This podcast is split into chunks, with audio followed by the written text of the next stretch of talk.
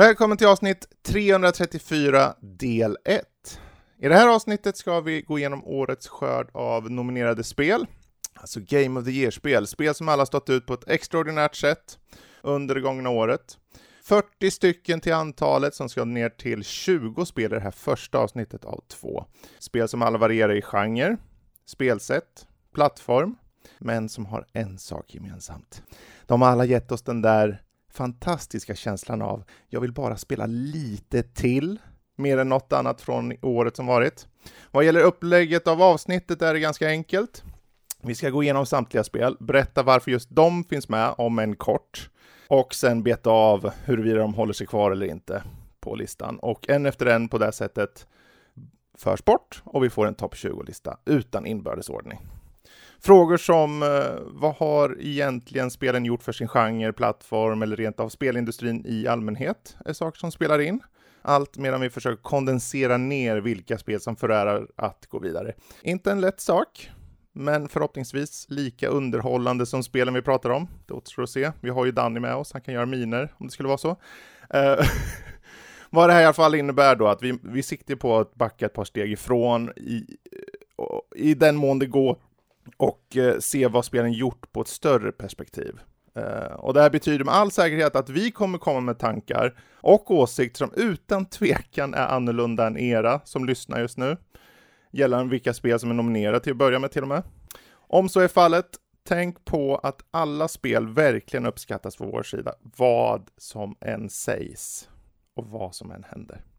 Nåja, nu är det dags att ta ett tag där det här. Eh, vår redaktion sitter här samlad. Jag heter Fredrik. Vi har med oss Danny, vi har med oss Jesper, vi har med oss Joel, vi har med oss Lotta, vi har med oss Matte och vi har med oss Max. Och eh, nu ska vi ta och prata om de här 40 spelen som finns och se vad som går vidare till topp 20 och vad som håller sig sen kvar eh, på plats här mellan 40 till 21. Så vi hoppar rakt in i det. Yes, och eh, Ja, vi har ju förberett på ett sätt och det är att vi har bett folk liksom, ja men vilka spel känner ni personligen är er topp? Och de här spelen eh, har vi skrivit upp på en plats eh, och det innebär då att eh, de spel som är kvar är de vi börjar med att kolla, bara för att se om de eh, kanske har någon förkämpe i alla fall då. Eh, och då börjar vi här rakt upp och ner med Persona 5 Strikers. Jag vet det är troligtvis du Jesper som har nominerat.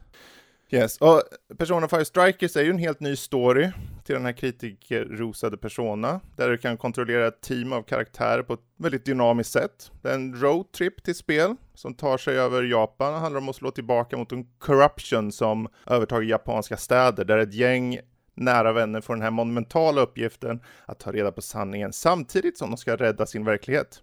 Hisnande öden, mixas med en tung action och ett fantastiskt utseende. Men vad tror ni, kommer den här gå vidare till topp top 20?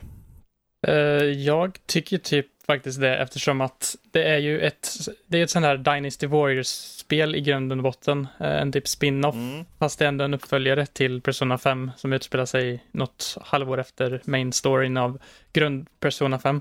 Uh, eh, men det som skiljer sig det här spelet mycket mot andra Dynasty Warriors-kloner som typ Hyrule Warriors och liknande, det är typ bara slå med X och Y, är att du här har mm. dina personas, precis som i Persona 5, som du kan använda olika attacker och abilities på och dina motståndare har olika svagheter och styrkor, precis som i vanliga Persona 5, så det är ändå lite så här blandning mellan, en väldigt bra blandning mellan den här Muso Dynasty Warriors-spelet och Persona mm. 5 RPG, vilket jag tycker är väldigt unikt till den här, för vanligtvis när det är en Muso spin-off eller vad man ska säga, brukar det vara ganska typ så här ett skin på vanlig liksom Dynasty Warriors-stuk, mm. att det typ bara har Zelda-karaktärer till exempel istället för de här kinesiska dynastierna.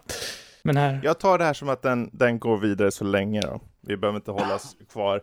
Eh, sen går vi vidare till Olija och det här är då, man får följa en skeppsbruten man som heter Faraday, medan han tar sig fram eh, beväpnad med en harpun och vill försöka att lämna det här fientliga landet han vaknar upp i. Det är en lika delar minimalistiskt men samtidigt storslaget äventyr som trots pixelerad grafik bjuder på hjärta och pussellösningar.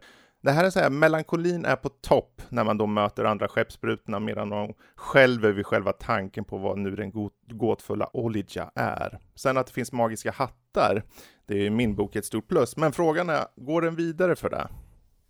Jag ja. tror att Matte, du har ju kört det, och sen ja. finns det någon mer som har kört? Ja. Vad säger ni? Ja, alltså det är ett stabilt spel, definitivt. Och som du säger, melankolin genomsyrar ju spelet. Mm. Uh, vilket uh, ett plus i min bok. Jag, jag vet inte riktigt. Det är definitivt spelvärt, men sen om det är en topplaceringsgrej har jag ingen aning mm. om. Ja, alltså jag ja. tycker att det är lite kanske på det typ lite för kort kanske. Alltså det kändes som att man liksom körde bara någon typ två timmar och sen oj, det var redan slut mm. här. Och det var liksom, tycker att de två timmarna eller tre eller vad det nu ska vara som man spelar ändå är ganska stabila. Jag tycker om estetiken väldigt mycket på det här spelet. Det känns, mm. och den stilen de har tagit, det känns väldigt unikt och lite så här, ja, melankoliskt och så som sagt. Men ehm, det är bara det om du tycker att det kan. Jag är ganska öppen för att droppa den annars ska jag säga. Men uh, det är mest för att vad vi har i jämförelse mm. längre ner. Men uh, vi har matte, så vi låter den stå kvar så länge känner jag. Så tar vi nästa spel då. Uh, YS 9 blir det, eller 11? Vad blir det? 9. 9. Eh, Monstrum Nox. Det är alltså det, skugglika varelser härjar och det är upp till dig då i egenskap av en av sex så kallade monstrums, alltså personer med unika förmågor att skydda staden, allt medan de klättrar den här vidsträckta stadssilhuetten. Eh, Klassisk JRPG möter fantasifulla miljöer, nivådesign och lite underfundig berättelse där. Eh, är det här värt att vara kvar? Eh, jag nominerar det, men jag tror jag nästan det är värdigt att droppa det, för jag känner att i jämförelse med alla andra i genren som är med mm. i den här listan så känns det inte lite undermåligt kanske. Det känns som att det finns andra som toppar det. Så jag är, värdig, jag är ja, redo att droppa det. Ja, ja, ja. Då så. Då tar jag bort krysset här. Blipp. Sådär. Uh, då försvann den första där. Eh, då så, för då kommer vi vidare till ännu mer JRPG då, antar jag. Bravely Default 2. Och eh, här har ju också varit med i leken tror jag Jesper, mm. men det här är ju en saga egentligen där varje karaktär ges utrymme att växa och skapa en relation med dig som spelare. En så här klassisk mix av traditionellt JRPG, vackert illustrerad 3D-landskap, som gör att den här just, det är en väldigt efterlängtad uppföljare då, som infriar egentligen rollspelsälskarnas alla krav. Berättelse, varierade karaktär och båda arbeten med, eh, både arbeten finns och Brave Point som gör detta till ett måste för många. Men är det ett måste att vara kvar Jesper? Det är du som det hänger på tror jag här. Det är lite svårt att säga. Alltså, I grund och botten är det väldigt klassiskt JRPG med mycket grinding mm. och random encounters som är väl typ spelet kanske mest typ största minus i min bok. Men det som gör det här spelet till att kanske ändå är värdig att vara kvar är hur mycket du kan eh, anpassa dina karaktärer till ditt tycke eftersom att de har de här jobbklasserna. Eh, du kan vara en målare, du kan vara en eh, typ så här, ja, en så här gambler kan det vara. Och massa olika intressanta jobb som gör att du kan liksom spela om spelet med många olika sorters infallsvinklar och sånt. Men jag mm, vet inte mm. riktigt. Jag känner att det är ändå ganska väldigt likt eh, de tidigare spelen i serien. Jag tror inte det mm. revolutionerar sig jättemycket heller, så om man tänker på det Nej. sättet så jag tycker att det är väldigt stabilt spel, men för att vara liksom ett, om man ska tänka liksom de här Game of the Year-kravet att revolutionera eller mm. utveckla på det sättet så kanske är värd att droppa den då. Är ja. redo att droppa den. Då. Ja, men vi, vi, vi, tar bort den. Alltså Bravely Default är ändå med på topp 40, det är inte fy skam. Det har släppts många spel under 2021, så det är inte illa pinkat.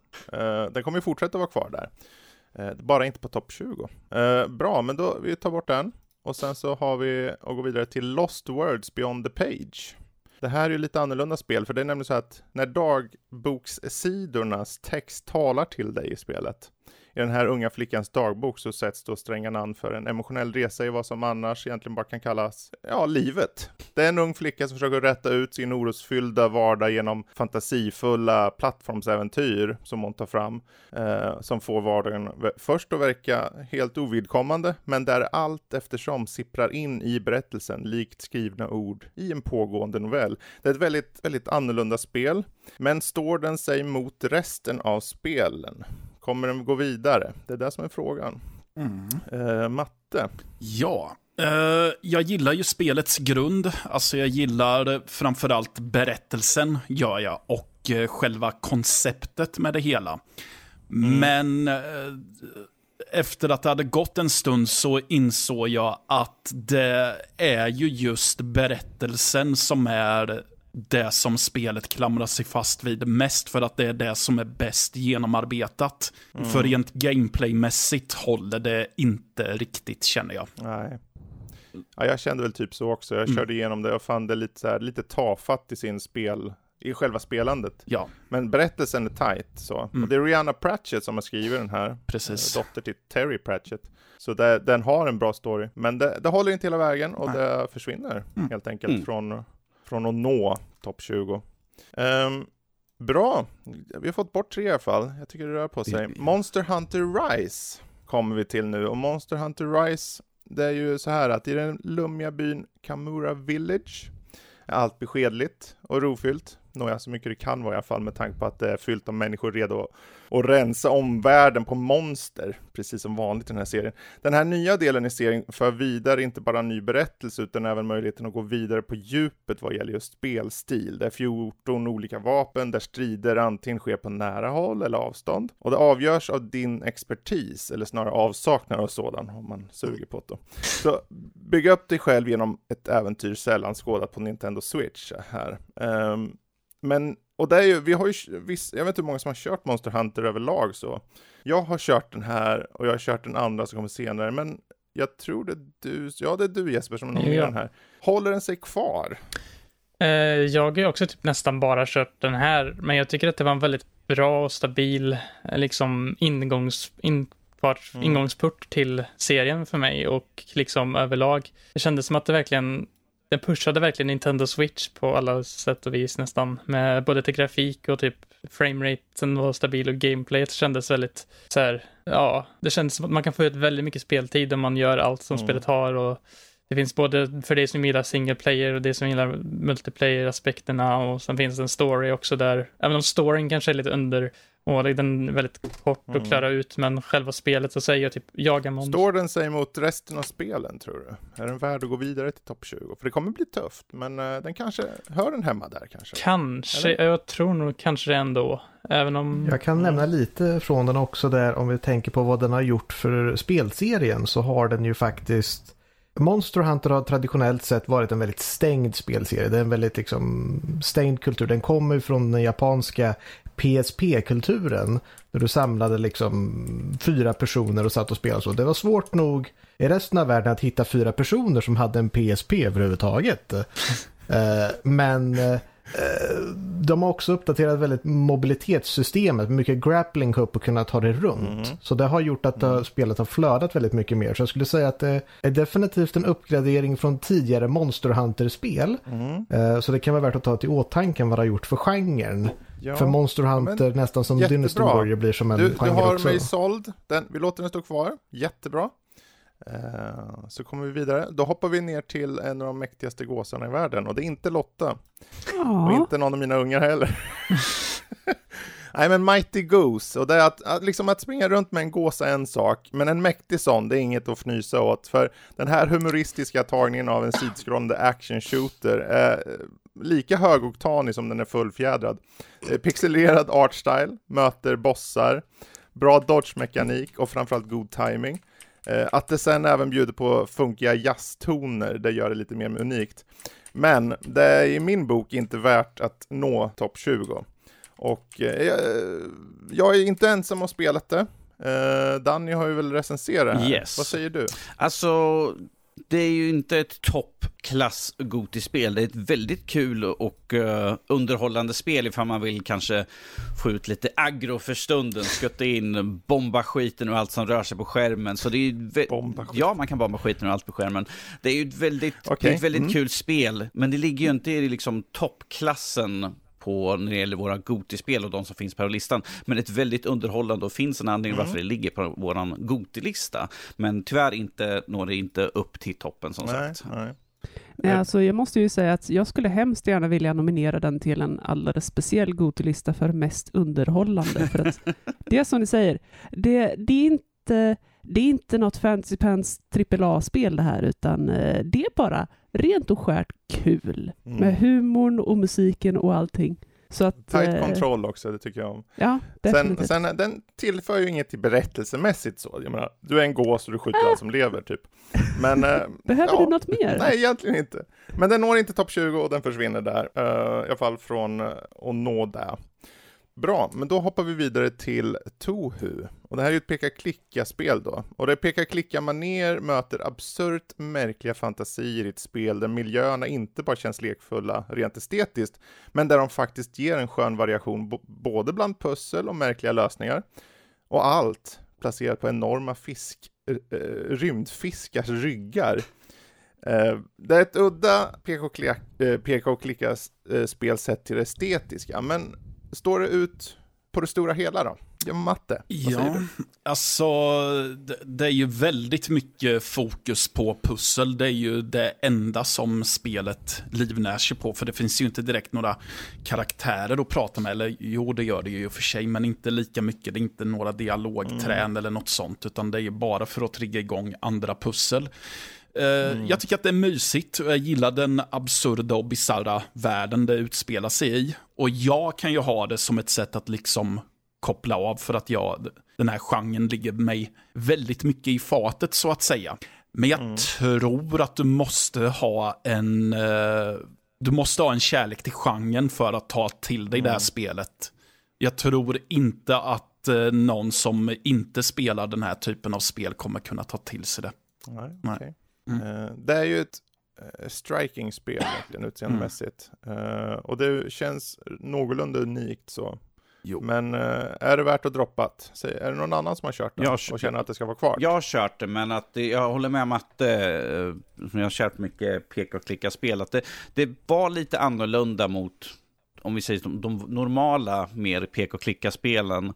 Så därför var jag lite förbryllad ibland när jag körde spelet. Jag bara, jag var inte riktigt vet vad jag ska göra för mm. någonting. För vanligtvis finns det vissa mekaniker kanske jag förväntar mig ska finnas med. Eller på ett visst sätt hur spelet ska liksom flyta på. Men att det var lite annorlunda här. Men att, det gör ju att det sticker ut lite grann också. Men att eh, tyvärr tar liksom de saker som förbryllade mig, liksom jag bara, det här fattas, mm. gör att det väger ner lite grann på minussidan. Fast det estetiska Precis. och liksom humorn var ju liksom bra, men att ifall inte gameplayet liksom klickar ja. så är det ju inte liksom Nej, precis. Bästa det är, det bästa. Den följ, för mig följde det lite på att som vanligt ska det alltid vara så, det känns jämt så ologiskt. Jag petade mig fram bara för att hitta lösning ibland och jag kände, mm. men har vi inte kommit förbi det här än? Men sen så är det ju också, man får ju ta i åtanke att det här tillhör genren mm. också. Ja. Det ska ju vara så. Och det gör ju det väldigt bra, eller hur? Mm. Men eh, ja, den försvinner ja. för nu. Men den är ju kvar på topp 40, yes. men inte topp 20. Uh, eh, super, och så går vi vidare till faktiskt också egentligen en, uh, ja det blir väl, är det PK klickare här? Eller är det ett ja. äventyr? Vad är det? Ja, det heter Backbone i alla fall. Uh, för det är så här att när en antropomorfisk berättelse kring en tvättbjörnsdetektiv som försöker utforska ett dystopiskt Vancouver dyker upp, då vet man att det finns något unikt som smyger fram här. Den här post-noir-deckaren skapar en härlig mix av retroartad pixelstil med följsamma animationer, mörk humor och ja, den känns bara säregen men samtidigt lättillgänglig. Um, Lotta, du har ju faktiskt kört det här lite. Ja, precis. Och jag måste ju säga att det är en väldigt träffande beskrivning. Det är, eh, du kommer ställa sig inför en rad olika pussel som du försöker lösa och framförallt då naturligtvis eh, de här ständiga noir-frågorna. Vem kan du lita på? Mm. Vem ska du följa? Är det och, räven man eh, följer? Precis. Eller har man fördomar Eller, mot rävar? Precis. Vem, hur foxy är den här foxen? Mm. Eh, och hur vill är man att bli nedslagen i en park? Så att eh, det är, eh, det är definitivt ett, eh, ett, ett spel som drar en in. Eh, men platsar det på, på topp 20? Ja, det är frågan. Jag personligen känner att den gör det. Eh, I alla Mm. fall än så länge. Jag, jag har inte, nu har vi inte gått igenom alla än, och jag kan komma och ändra mig, men det, det har någonting väldigt unikt över sig. Och den här, den här tonen, atmosfären, det är så, allt är nedgånget och jävligt och alla är djur liksom. Och de liksom, vi har en stackars eh, hamster som jobbar som eh, prostituerad eller en Mm. kråka som har ett hotell liksom. Man bara, och det är liksom, det, och de gör den här stilen och det här utseendet som bara väcker, en, väcker ens fantasi, bara ännu mer. Ja, Men, eh, det som jag Ja. funderade på eh, personligen var om eh, det är tillräckligt mycket stimulerande spelmekaniker för att platsa. Lite så, för jag, ja, men nu, nu kanske du är inne på något. Ja, precis. för jag satt och tänkte att det lutar ju sig tillbaka väldigt mycket på berättelsen, om man säger så. Vilket för, förvisso är en väldigt stark sådan och den tar många intressanta svängar. Men eh, jag vet inte riktigt. Alltså, inte för att det inte är interaktivt, för det är det ju. Eftersom att du kan ju styra lite vart be berättelsen ska gå och hur karaktären fungerar. Men man gör ju inte så mycket i spelet om man säger så. Nej, det är sant. Mm. Det är sant. Uh, jag ändra mig? Ja, jag står nog fast just nu, Mm. så får vi se. Eh, men vi hoppar vidare, och det här är ju en av de kändaste spelen som kom ut under 2021. Ni Replicant version, ja, den tänker jag inte dra. men i, i vad som är en prequel till Nier Automata får vi en mängd varierande spellägen och en intrikat story. Eh, precis som man förväntar sig egentligen av en sån här storslagen serie. Dessvärre är detta en smärre uppdaterad version av Nier Replicant som tidigare redan släppts. Med det sagt är det värt ändå att stanna upp och poängtera hur bra den här berättelsen är, även om den här inte kan gå vidare. För det här är egentligen mer eller mindre eh, en version som redan har gjorts. Eh, det var ju bara en, en bror som hade blivit en syster, vad fan, jag kommer inte ihåg vad fan det var. Eh, det, det är liksom... En far eller I, I Japan släpptes det ju i- till början en, två versioner till PS3 och Xbox 360 tror jag det var. En som spelade som en fader som var Nier Gestalt och en som spelade som en bror som var Nier Replicant då. Och det är en Replicant som Mm. gjort remake på. Det som är ändrat från eh, originalet är att de uppdaterat combaten lite så att det blir lite mer som automata. Eh, och Mm. att de har lagt till en extra episod som eh, är utöver det andra och typ ett litet läge där du, typ när combat arena-läge typ också. Men eh, jag tycker att det är personligen är mina favoritspel från året, men ändå eftersom att det är en Mm. remaster så mm, det är väl inte riktigt nytt. Ja. Så. Det är ju inte, men det var värt, jag tänkte ändå det var bra att den var här, för att det är värt att poängtera hur bra det är och vad, vad det faktiskt tillför. Eh, sen att det är egentligen, eh, det är en uppdaterad remaster med lite extra content där på en extra episod egentligen. Eh, och sen lite förändringar i, i, i combat. Men det, ibland räcker ju det långt. Det räcker inte till topp eh, 20, men eh, det är ändå kul att vi har eh, tagit upp det, Mm. ni replikant. Ehm, bra, och sen då, om vi förhåller oss kvar här på JRPG då, så har vi Scarlet Nexus. Eh, och Scarlet Nexus är så här, i långt fram i eh, framtiden då, har förvrängda typ mutanter, de kallas others, eh, börjar falla ner från himlen.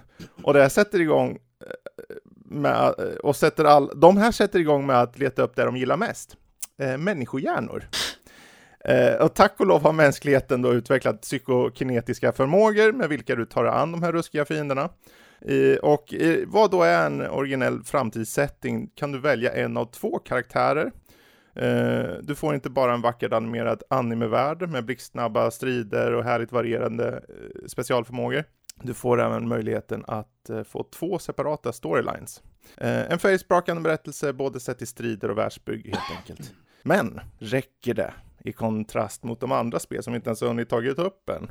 Vad säger Jesper? Ja, det är du som har nominerat den. Jag skulle nog säga att faktiskt England ändå räcker till topp 20 i alla fall. För jag tycker att striderna är så tajta och härliga att liksom ta del av och sen tycker jag att berättelsen är intressant. nästan hela vägen igenom. Eh, och det är, inte, det är intressant hur de har tagit liksom och gjort de olika karaktärerna, Kazani och Yuito, och hur de har gjort att de får en olika ingångsvinkel på olika saker. Om man kör en så finns det vissa lösa trådar som inte riktigt förklaras i den ena, så måste man, om man kör den andra så förklaras det väldigt bra tycker jag. Eh, och så. Men då, då håller den sig kvar så länge tycker jag. Ja. Så går vi vidare, jättebra.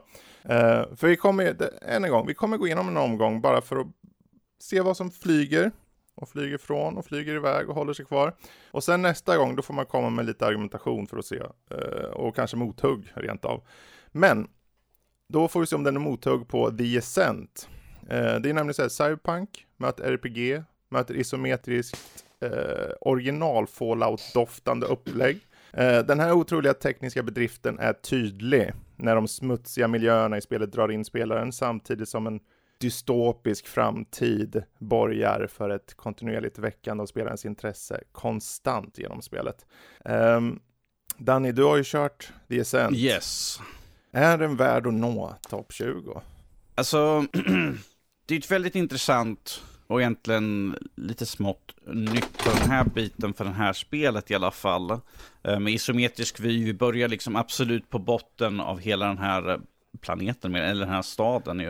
Eh, Där Ja. megakooperationen Descent Group har kollapsat och man, man som bottengrunt måste liksom ta sig uppåt, ta sig igenom de olika skikten av den här staden för att ta reda på vad det är som har hänt. Man blir upplockad av olika företag som man blir ägd mer eller mindre.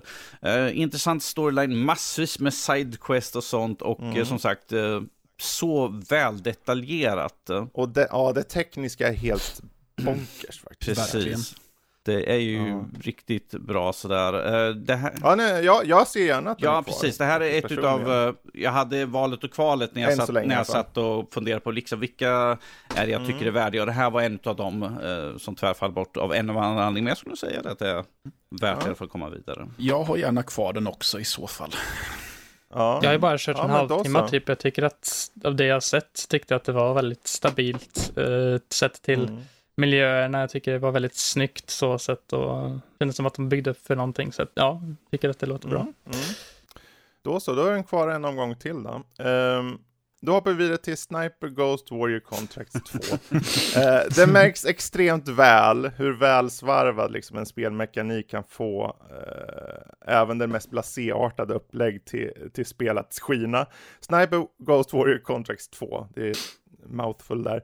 Det, det är ett spel som är gjort för omspelningar. Dess eh, spelmekanik går ut på att ta ut olika levande måltavlor och det här ger mer smak, inte bara sett till hur man tar ut dem, utan även tillfredsställelsen i att se i slow motion ens kulor penetrera de här onda soldater man siktat in sig på. Det är ett spel som helt enkelt vet vad det är och den lutar in i det till hull och hår.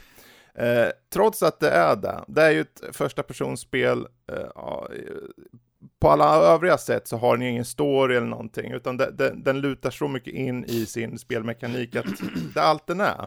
Och Jag, jag, Och jag, därför känner jag att den försvinner egentligen. jag, jag skulle kalla det en glorifierad killcam, mer eller mindre. Ja, Ja, men det är det ju. precis. Men Och är det det man är ute efter så är det en väldigt välgjord glorifierad killcam. Ja, jo. Mm. ja, alltså det är ju väldigt kul att let off som Steam och eh, gå in där och skjuta skallen av folk förvisso Mm. är det ju. Så, precis. men eh, För jag kan inte Men- låta bli att dra paralleller till um, Hitman Sniper Challenge när det kom ut. Mm. Mm. Det är liksom att ha tagit det konceptet och bara dragit det till nästa nivå liksom. Mm. Eh, och verkligen så här pushat det. Men det är ju som du säger, alltså storyn är ju bara eh, krigs, Ja, det är ju- krigsfilm det- typ A. Ja, Det är ett exakt. svepskäl för att exakt så. skjuta massa folk. Ja, det är ett svepskäl bara för att skjuta. eh, Man ska se folks huvuden flyga ut genom nacken på någon liksom, stackare. Det, det är ju därför. Och det, det är ju tillfredsställande på ett märkligt morbid sätt, men samtidigt så är det ju ingenting som når topp 20 alls. Nej. Så den, den ryker, känner jag. Mm. Ehm, bra. Eh, då så. Alltså jag kan säga redan nu, vi har blivit av med sju spel redan, så det går ganska snabbt framåt ändå. Det är bra. Eh, Härligt. Är vi effektiva i år? Ja, Någon gång ska vara den sen, första. vi får se avsnitt, avsnitt två sen får vi se hur effektiva jag är.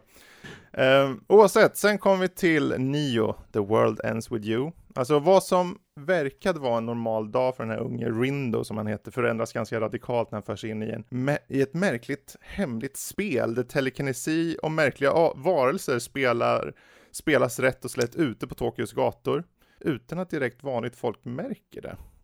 Det här står i tunga spelet för tankarna till Persona-serien till viss del och samtidigt ger en unik estetik där hårdragna linjer och välgjorda karaktärer möts upp.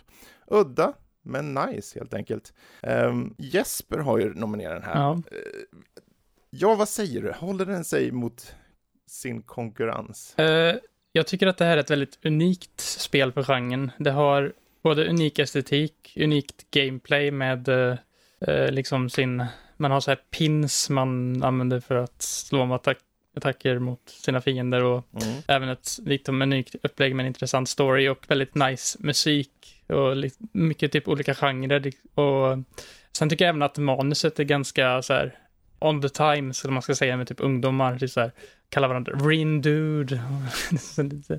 ja, just det, de dudar varandra. Ja, jag tyckte det var lite roligt, så här, men det är inget så här jätteviktigt. Men jag tycker ändå att det är ett jag vet inte riktigt om det kanske når toppen, toppen, eh, men kanske ändå topp 20. Eh, skulle jag ändå säga. Mm. Det är ett spel som, det är en uppföljare till en kultklassiker som heter The World Ends With You, eh, egentligen. Mm. Och ett spel som tyvärr inte fick sig jättebra eh, försäljningssiffror. Så jag tycker ändå att det är mm. kul att ta upp det och ta vidare. Ja, men du, du är positiv än så länge så du låter den vara kvar. Det räcker med en.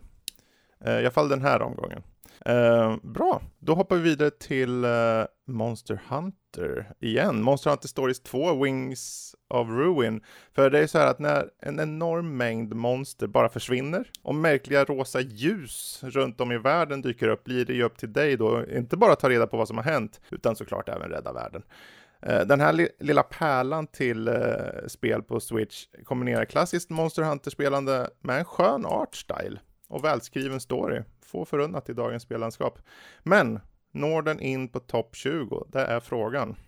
Uh, är det du Jesper som också var i farten man tror? Ja, jag tycker att den här, typ, när det kommer till gameplay står sig riktigt bra. Jag tycker att det var väldigt intressant och roliga strider med att man liksom kombinerar olika typ, det är faktiskt påse-system där du liksom ska använda dina monster till dig och sen kan du skaffa nya monster lite som, skaffa nya monster lite som i Pokémon ungefär. Mm. Så jag tycker att det här spelet, ja, för mig är det nog topp 20 i alla fall faktiskt. Mm. Ja, då är den kvar. Då är den kvar. Jag är, jag är rädd för att säga det här Jesper, men du, du vet att det kommer kanske bli tufft sen. Ja. Eller? Så blir det skitlätt, vi får se. Vi får se. Alltså Jesper. Det, det kanske bara löser sig sen. Du har ju en typ. Nu, ja, ja, och det är skönt att det finns, för det är variation här. Väldigt skön variation. Vilket för oss då till Humankind, för där Civ tidigare var stapeln av 4X-genren har nu Humankind fört in en rejäl portion värme och personlighet. För den här gången skapar du din ledare själv. Och allt eftersom du spelar plockar din imperie upp drag av olika kulturer, vilka du själv väljer. Eh, på det här sättet kan du påverka eh, hur du ses av andra civilisationer, men minst lika mycket hur du väljer att spela. Eh, så spelomgångar, om man tyckte att det var annorlunda gång på gång när man körde Civ, så kan det bli väldigt annorlunda i Humankind till och med om det är samma civilisation du kör. Eh, och det är en resa som inte riktigt setts i genren tidigare. Eh, och det har också den där bara spela en liten stund till-känslan som många spel behöver. Men är det värt att nå topp 20? Det är ju frågan. Ja, vad säger Joel då? Nej, det tycker jag väl ändå inte. Tycker du inte det? Nej. Tycker du inte? Nej, uh, jag recenserar ju den här och när jag skrev recensionen, då var jag så, jag var så glad i det, jag tyckte det var så bra och det, jag satte verkligen toppklassstämpeln på det och bara smack! Jag var så mm. nöjd. Sen spelade jag ett av Amplitudes, eh, alltså då, sen spelade jag mm, utvecklarnas tidigare 4X-spel Endless Space 2. Och när det kommer till liksom just så här, alltså för spelet försöker ju vara asymmetriskt på något vis, liksom med, med hur de olika kulturerna och med hur olika spelomgångar kan se olika ut. Mm. Men det är inte det riktigt. Det blir inte, de har alla de här verktygen för att få det olika och alltså de första upp- uppemot 100 timmarna så är det jättebra. Då är det olika. Eh, men efter ett tag så blir det inte det. Efter ett tag, typ Ja, 120 nej, nej, nej, nej men ja, om, vi, säger- om, vi, ja, om vi drar ner lite, jag ska dubbelkolla. Eh, 100 timmar är lite för mycket. Eh, ja, nej, men efter, 50. efter de första 40 timmarna så märker man att, nej men titta, jag kör bara på Industry Egyptier igen. Ja. Och igen, och igen, Precis. och igen, och igen, och igen. Och AIn väljer alltid samma. Alltså det, Mm. det finns variation där. Och det finns, de har de här verktygen, men det är lite för nytt. Och när jag sitter och spelar det här så är det enda jag känner också att jag vill egentligen spela Endless Space 2. Okej. Och jag Ja. menar verkligen ingen skugga på Endless Space 2. Det är ett fantastiskt Det, för, spel. ja, nej, men exakt, för det är ju helt fantastiskt. För det, för det tycker jag, för det, det tycker jag är peak eh, asymmetriskt 4X-spel. Men eh, om du vill ha kvar det Fredrik så förstår jag det. Ja, jag personligen, jag började köra bara för en vecka sedan och tänkte varför har inte jag kört det här? Mm. Mm. Vad har hänt med hösten? Mm. För jag satt där och tänkte, ja men jag startar upp det, jag har inte hunnit kört det. Och så satt jag helt så här hänförd, fast bara okej. Och sen satt jag där 20 plus timmar eller vad det var för något och bara, det här är ju jätteroligt. För det är ju också vart man nu kommer ifrån. Jag är inte den som är den mest strategiska, jag kör bara för att ha kul så.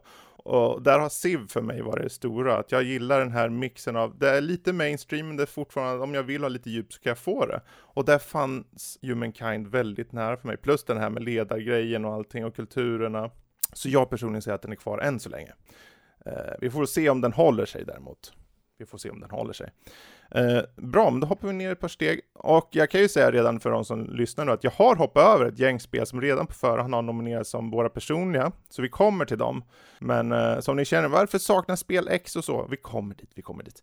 Eh, men, då har vi ju, eh, får se här nu, Life is Strange har vi. True Colors. True Colors. Och hur skulle det vara att faktiskt kunna påverka andra människors känslor? Och deras känslor för andra människor? Det låter udda, men så är det. Det här är vad Alex Chen i det här spelet kan göra. Ett spel som inte bara får dig att känna med henne, utan även med de människor vars öden du påverkar. På en väldigt välskriven nivå. Men frågan är, når det in på topp 20? Jesper? Jag är lite så här tvärdelad på vad jag tycker med det. Eh, för ena sidan så tycker jag att storyn och sånt är väldigt välskriven och jag tycker det är väldigt intressant hur de har tagit den här empatimekaniken som de har med att man Ja. har olika känslor som är olika färger, liksom blått är ledset, eh, eh, lila är arg eller rädd kanske det var, Mm. räddare. Och lite sådana saker, och liksom man, kan, man, man kan känna för karaktärerna väldigt bra om man hjälper och sånt. Och så de typ pusslerna som är liksom att man ska känna empati, det, ändå, det känns mänskligt på ett sätt som jag inte har sett Mm. i serien förut. Det, den är super... Håller i sin helhet, håller sig i sin helhet mot andra konkurrenter här på vår lilla lista. Tror jag. tycker nästan det, för jag tycker att jämfört med många andra sådana här spel så tycker jag ändå att det har ganska mycket mixad gameplay i olika segment och sånt och tycker att karaktärerna är så pass välskrivna. Även om det, Mm. ja, jo, men jag tycker nog ändå att det håller sig hit Så den, den ska in på, du känner än så länge topp Ja. 20 för den då? Ja, okej. Det börjar bli lite tuffare här. Det börjar bli lite tuffare. Eh, för vi kommer gå in på de spel sen som vi själva har nominerat personligen. Och om de ryker, ja då, då kanske de ryker, men det, det återstår att se. Um, Eastward, ja du Jesper. Mm. Eh, här är ännu ett spel från dig som är nominerat. Eh, men pittoreskt och charmigt är eh, ledorden i det här äventyrsspelet som kombinerar vardagsliv med monstermördande i en nära framtid. Allt är förpackat då också till en retroartad pixelfest. Och framförallt värmen i berättelsen är det som för det vidare och vågar på riktigt vara både humoristisk såväl som innehålla vuxna teman. Eastward, Jesper, Ja. ska den in på topp 20? Det, det enda som jag tycker är kanske det är att den kanske inte riktigt når ut till just alla. Eftersom att den är ganska dialogtung eh, och det är ingen Mm. voice acting i det, så du måste ju läsa all dialog själv för att hänga med. Ja. Eh, Men jag tycker att, och sen så utvecklas kanske inte spelmekaniken sådär supermycket till combat just. Men jag tycker att alla Mm, andra element mm. ändå finns där. Men kanske topp 20 känns lite out of the question faktiskt. Ja. Så Är kan... det någon annan som har kört Eastward? Nej. Ingen? Nej. Nej, då, då är det väl så att då får den ryka. Så är det. Men det är ju ett fenomenalt spel som det ser ut som och ja, det håller sig kvar på topp 40 men inte topp 20. Så enkelt är det. Eh, då så, och då hoppar vi ner ett tag bit här för Chorus. Det är nämligen så här att när universumet viker ut sig framför vår hjältinna Nara märker man att de här storslagna platserna, de ovanligt välskrivna dialogen och frenetisk action i vad som grunden är ett annorlunda fly, rymdflygarspel står ut. Just den här kombinationen av nysta i galaktiska mysterier där den här karaktären Nara faktiskt kan ses och ges utrymme att vara mer än bara ett litet rymdskepp på skärmen. Där, där får den här pärlan att stå ut bland egentligen väldigt många i både sin egen genre och i andras genre. Um, jag vet inte, det är ett svårt spel för mig att liksom försöka pinpointa vad, vad man ska säga att det är. Det är lätt att se på striden och säga, ja men det här är bara ett rymdactionspel arkad, fast lite open world. Men det är ju mer än så. Du har den här karaktären och hon leds fram i cutscene så du får se henne och så. Jag vet inte, men är den, är den topp 20? Ja, du lär ju känna henne väldigt mycket även på insidan eftersom att eh, hon likt eh, vad hon i eh, Hellblade heter nu, Senua. Eh, fast det är, inte, det är inte att det är olika röster som är i konflikt om vad man ska göra, utan du, du får höra som en inre dialog hos henne hela tiden. Eh, Jag, jag vet inte heller, för jag tycker att den gör väldigt mycket intressanta saker med berättelsen. Även om det är det här klassiska onda mot det goda, men det är också lite, är allting verkligen så svart och vitt? Precis, och samtidigt som det precis. också på, förvisso klassiskt arkadmaner, men det är ändå en välgjord, ett välgjort rymdactionspel också, tycker jag. Och Mm. jag tyckte att det var så skönt att ha ett spel som på det stora hela så har man valt ett spår som man har valt Mm. att åka på och att man gör det väl istället för att inkorporera så mycket andra element och göra det Precis. hafsigt. Så Ja, hmm. vad säger du? Topp 20 eller? Eller inte? Ja, det är ju det som är frågan. Det är därför vi har samlats här idag. Jag Ja, frå- ja precis. eller hur? Sen frågar Ja. jag, jag frågar dig först för att Ja. du är nominerad, sen kommer jag ju kolla med andra också, och mig själv. Ja, jo, Men men... eh, jag är nyfiken på vad du tycker först. jo, men... eh, ja, mm, Ja, men eh, jo, det kan nog kanske. Ja. Det, det finns Ja, jag potential där faktiskt. Jag tycker att det är så pass unikt Mm. att det definitivt än så länge i alla fall har en plats Ja. på topp 20. Men vi får se, någonting måste ju ryka sen. Jo. Eh, det är inte mycket som ryker i rymden. Eh, Wow. det, ah, det är ju så. Eh, men det finns ju vissa saker som ryker i rymden och det är ju Halo Infinite. För han skjuter så det både ryker och står till, härliga till. Ja, gud ja. Eh, för Master Chief är äntligen tillbaka.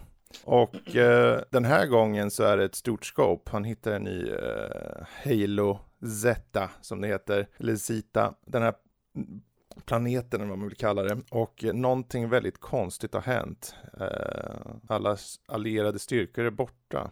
Och kvar är bara den här mystiska vapnet som finns på planeten i form av en holografisk kvinna. Vart är Cortana? Vart tar vägen vägen? Det undrar vi. Och det är ju bara, och det är ju bara singeldelen. Sen har vi även multiplayer-delen som i sin tur också gett mycket. Eh, det här är egentligen multiplayer-delen som alla har väntat på. Du har variationen, du har vapnena, du har utseendet. Och du kan sitta på en Xbox och du kan sitta på en PC och du kan sitta och köra på molnet om du vill. Men, hör det hemma på topp 20? Joel? Ja, det är svårt alltså. Eh, flerspelarläget tycker jag är helt fantastiskt. Eh, Trots lite långa laddningstider så för ett spel som är gratis så slår det riktigt, riktigt högt. Om det hade kostat då? Det fort, alltså för, för då, ja, då hade man ju köpt liksom enspelarläget och flerspelarläget tillsammans liksom. Om vi säger att man var tvungen att köpa det. Då hade det ju hängt mer på enspelarläget och hade det gjort det, då hade Mm. det inte kommit in på listan tror jag. För enspelarläget är inte, alltså den här öppna världen är lite för öppen och inte, li- och inte så mycket värd. Eh, och sen har vi de här storybanorna som, alltså till skillnad från, alltså, om, om, vi, om vi tar kartorna på flerspelarläget, det finns, här, det finns något eh, Tokyo-distrikt, eh, det finns någon ökenbana och det finns eh, någon, bara någon, liksom, någon basar. Och sen har vi enspelarläget där allt ser likadant ut hela tiden. Speciellt i de här Precis. storybanorna som bara är gråa korridorer helt rätt igenom. Och det är bara en av de här liksom sakerna som ja, det, man verkligen inte dragit till sin fulla potential trots att man visar att nej, men titta här finns det här och så bara ja, men varför finns det inte Precis. här då? Jag tycker ju dock att det är ganska kul på just den här grundläggande grejen att man skjuter sönder fiender som kommer i, i vägen för en. Och grappling-hooka sig och så genom banan. Men däremot så, jag har inte spelat särskilt länge, utan jag har spelat tills typ världen öppnar upp sig inom situationstecken. Mm, mm. Så jag vet ju inte hur länge det håller. Nej. Troligtvis inte jättelänge, men eh, för en som inte har koll på storyn överhuvudtaget så kunde jag ändå tycka att, ja men, eh, rent grundligt eh, game, gameplaymässigt så är det en Mm. helt, så är det en underhållande FPS. Precis. Ja, Det jag tror pro eh, problemet för, för spelet är nog att det, det lutar sig väldigt mycket på att du ska vara en hängiven Halo-fan. Ja. För är du där och du har fått stått ut med de här föregående spelen som verkligen eh, inte gjorde rätt enligt många, så, så är det väldigt välbekant och du får du får det där som alla har längtat efter tror jag. Jag tror alla vill ha så som det var i första Halo Combat Evolved, den här åka runt och bara upptäcka saker. Och att de nu fört in lite pluppar på kartan och, eh, och du kan uppgradera till viss del dina liksom, saker, det, det gör att det blir lite mer då. Och det är väl egentligen det alla vill ha. De vill bara ha ett bra, solitt spel. Men för min del, det räcker inte. Jag känner bara att det är, det är okej. om man ser i jämförelse mot andra spel som vågar göra mycket mer. Är du, som sagt, är du ett Halo-fan så kommer du älska det här tror jag. Och med rätta. För det är precis vad de behöver. Men det är inte någon kolossal, kolossal utveckling i jämförelse mot andra open world-spel och det är inte en kolossal utvecklad story. Det avslutar hela Cortana-grejen och det är ju en viktig sak för er som vet. Ni vet. Men eh, för mig resonerar inte riktigt. Danny, har du hunnit kört mer? Jag, jag har kört lite grann sådär, men att eh, och jag kör bara singel för multi är inte min grej, för då kommer jag bara sitta och titta på när jag dör hela tiden. men att, eh, det är som du säger, jag har ju spelat alla andra och det känns ju väldigt mycket Halo. Vi har en ringvärld som sig bör, som det är Halo. Eh, där man springer emellan, fast förutom här har vi lite mer yta att röra oss på istället för liksom vi, spring, vi flyger genom den här dalen, vi kliver in i den här, vi springer ner i någonting och jagar runt, skjuter alla som finns där. Här är det lite öppet att kunna ta, men att eh, det här med att en, en del, att åka till en del ställen ger ingenting. Det är liksom, du kan skjuta lite grunts. Uh, och that, that's it, man får inte direkt någonting. En del har liksom där man kan plocka poäng för att uppgradera. En del är storybaserade. Så det gör ju att varför ska jag åka bort hit? De har gjort den här ytan, varför ska jag åka dit för i så fall? För att det ger ingenting. Precis, Förutom för- skjutandet, visst det är kul, men Ja. i längden, nej. Det är tajt skjutande och det är kul med enterhaken. Och du kan, alltså just känslan att du kör in enterhaken rakt i nyllet på en grunt och du åker med dina 200 kilo rakt upp och bara smackar snoret ur den där stackaren som flyger ner för stup. Ja, det är Låt mig, tillfredsställande. låt mig säga, han Men- väger ett halvt ton faktiskt, Fredrik. Han väger ett halvt Ja. ton. Men, eh, men det är också där det tar stopp för mig. För det är liksom, det gör inte mer så. Och det här kommer nog vara den kontroversiella saken tror jag. Att vi, för jag säger att vi skippar det för topp 20 faktiskt. Jag håller med. Om inte någon... Av vad jag har sett Ja, så ja. känns det verkligen så här att det är verkligen bara för de mest inbitna och storyn är verkligen, du förstår ingenting om du inte har kört verkligen alla innan. Sen världen Mm. ser ut som en bana från ettan som heter typ Silent Cartographer hela världen. Och liksom. Ja, Eh, och, Gud, och, jag fattar inte ett skit. nej. Och det är ju, men det är ju det, det är ett spel gjort för fansen och det är inget fel i det. Det är jättebra att de äntligen får något som de kan stå bakom och känna glädje över. Och det, det, det är dags. Men den når inte topp 20. Som vi har väntat i över ett år. Ja. Master Så- Chief blasting off. Halo Infinite försvinner eh, oavsett om det är singel eller multi. Okej, vi dömer dem Eh, och tillsammans. där har vi gått igenom egentligen första rundan av de spel som inte står på våra personliga listor. Eh, och vi är nere i 31 spel redan. Eh, så jag kommer inte gå igenom de spel vi gick igenom nu, utan nu kommer jag gå igenom lite snabbt de eh, lite mer för oss personliga spelen. Jag kommer inte dra något sammanfattningar på de här, utan vi kommer bara säga, ska den vara kvar eller inte? Och här får ni också säga om någon av er känner att den inte ska vara kvar. Bara för att yttra det, jag vill bara höra det. Så om vi börjar då, Little Nightmares 2, är det något som bör gå vidare till topp 20? Ja eller nej? Ja. Ja. Ja, It takes two, är den värd att gå vidare till topp 20? Ja. Yes. ja, Ja, Ja. Returnal, är den värd att gå vidare till topp 20? Yes. ja, ja. Ja, inga nej Ja. än så länge. Eh, Resident Evil Village, är den värd Yeah. att gå till topp Yes. 20? Jag tycker det. Ja, jag tycker det med. Ja. Ehm, ni- kom och tänk på, vi kommer gå igenom de här en gång till sen, Ja. för vi, efter det här ska vi gå igenom de andra. Men Necromunda Hired Gun, är den värdig att gå till topp 20? Mm, Nej. nej. Matte? Du ser, Behöver bara ett ja. du ser lite velig ut. Om du är velig så är det ett tecken tror jag. Ja, nej. Kill it. Kill it with love. Kill it with love. En liten hamster kommer in. Nej, alltså jag har, har ju varit på vippen till att byta ut det spelet mot ett annat. Ja. Så. Okej, okej. Ja men då så. Strangeland. Är det värdigt topp 20? För er som kört. Ja, Ah, ja, frågetecken Matte. Ja, nej. Ja, punkt tänkte jag mer. Okej, Mm. ja men då har vi ett ja, det räcker för mig. Ratchet and Clank Rift Apart. Oh yes. Ja. Oh yes. Ja. Oh yes. Death's Door. Ja. Ja. Psychonauts 2. Mm. Eh, Ja. Jag, jag menar, ja, det är klart det ska vara med. Ja. Ja. Ja. Tales of Arise. Ja. Yes. Vad säger Max? Jo, det, jag skulle vilja utmana den längre fram tror jag. Men jag... Ja, okej, for okej, now, okej. ja. Ja, bra, håll på Mm. det! Nu, jag ser hans små ögon, de, de glimrar. Det här tycker jag om. Guilty Gear Strive. Ja, med Är ett utropstecken på. Ja. Den är kvar. Jag skulle säga. Kina Bridge of Spirits. Yes. Ja. Deathloop. Oh yes. Kanske. Nej. Metroid Dread. Ja. Ja. Back for Blood. Nej. Säger jag. Nej, jag säger också nej. Alltså det är väldigt slafsigt och mysigt men Jag säger ja. Okej, jag har argument för och emot, men då sparar vi på dem också. Det är du som har Ja, nominerat. glimrar! Nej, men jag har, jag har faktiskt tänkt vampyr på från dem. Twilight. Ja, The Riftbreaker. Jag säger ja. Vet, Mhm. Ja, kanske. Uh, Forza Horizon 5. Jag säger ja med utropstecken på min sida. Tut tut, nej. Mm, nej. Inscription. Ja. definitivt. Ja. Kanske.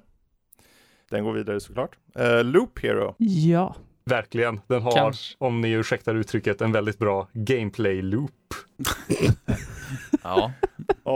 Brum. Jag säger ja också. Jag Mm. har kört snoret ur det bara de senaste dagarna. Uh, Shin Megami Tensei 5. Jag säger ja, men jag vet att det är någon... Jag säger nej. Men du sa ja och det räcker. Det räcker. Bra. Vill vi ha med ett spel?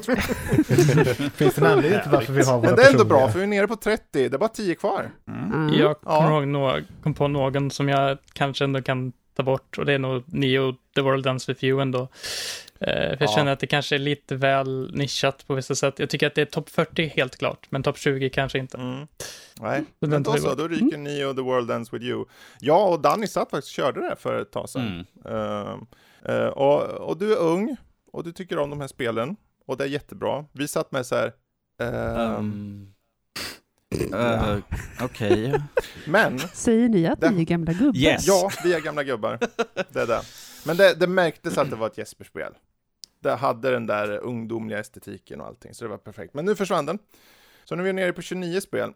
Eh, så 9 till då. Eh, vi börjar uppifrån då. Persona. Håller sig den kvar mot, för Persona för mig, alltså Persona och Nio var lite same same it för mig. Ja. Jag, jag säger Persona över Neo ganska stort för att jag tycker att det ändå är så pass liksom, det tar Mm. de bästa från båda genrerna och liksom blandar in det till ett spel som ändå har mycket Ja. Och, Någon annan? Alltså jag, jag är ledsen, jag är väl bara inte en Dynasty Warrior-spelare. För att jag, jag, jag förstår bara inte lockelsen på något sätt. Eh, och, och i Persona 5, jag satt där och väntade och hoppades att förr eller senare skulle jag få någon form av sympatier för någon av karaktärerna. Men jag kom inte så långt.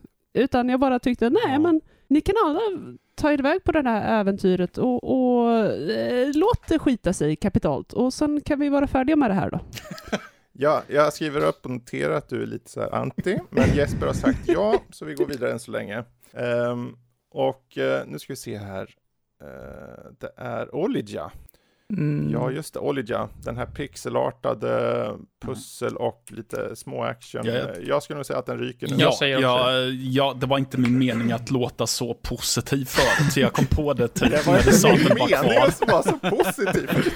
Får be om ursäkt, det lät så positivt förut. Det var inte meningen Eh, ja, att dra upp stämningen. Nej, men alltså- sånt Matte. Jag, jag ville vara positiv men ändå inte allt för mycket och det, eftersom att nej. ni gick vidare så var jag, äh, tog jag i lite för bra alltså.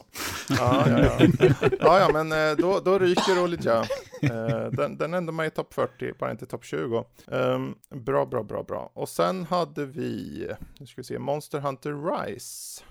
Jag Ja, Jesper. kan väl låta den ryka kanske också eh, ett tag. Men eh, Om vi säger så här, bara nyfikenhet. Monster Hunter Rise versus Monster Hunter Stories 2 Wings of Ruin. Vilken är den som du bara känner, men här, den är bättre än den andra? jag tycker typ, för mig personligen tycker jag att Monster Hunter Stories 2 ändå gör något mer liksom originellt med eh, att den blandar en Monster Hunter med typ Pokémon RPG Story grejen. Jag tycker att ändå att Mm. det är kanske en, även om Monster Hunter Rise är väldigt nytänkande så känns det som att Stories, Mm. Stories är ännu mer.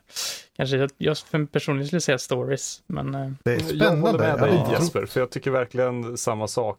Att när Monster Hunter Stories 2 Wings of Ruin gör Pokémon bra. Så här. Ja. Det är inte längre bara... Okej. Nu vill jag höra vad i- Max säger. Nej, men jag tycker det är spännande för eh, Monster Hunter Rise är ju verkligen Monster Hunter medan det här Monster Hunter Stories är ju väldigt lite Monster Hunter i det. Att de har ju tagit bort mycket av Monster Hunter-kombaten Mm. som är kärnan i Monster Hunter. Det är som om vi skulle göra ett Dark Souls eh, turbaserat RPG och säga det här är det bästa Dark Souls någonsin men du har tagit bort Dark Souls-själen i det hela. Mm. Det, det är lite så att eh, ja, jag, jag, jag, Ass- Ja, Assassin's det- Creed utan lönemord.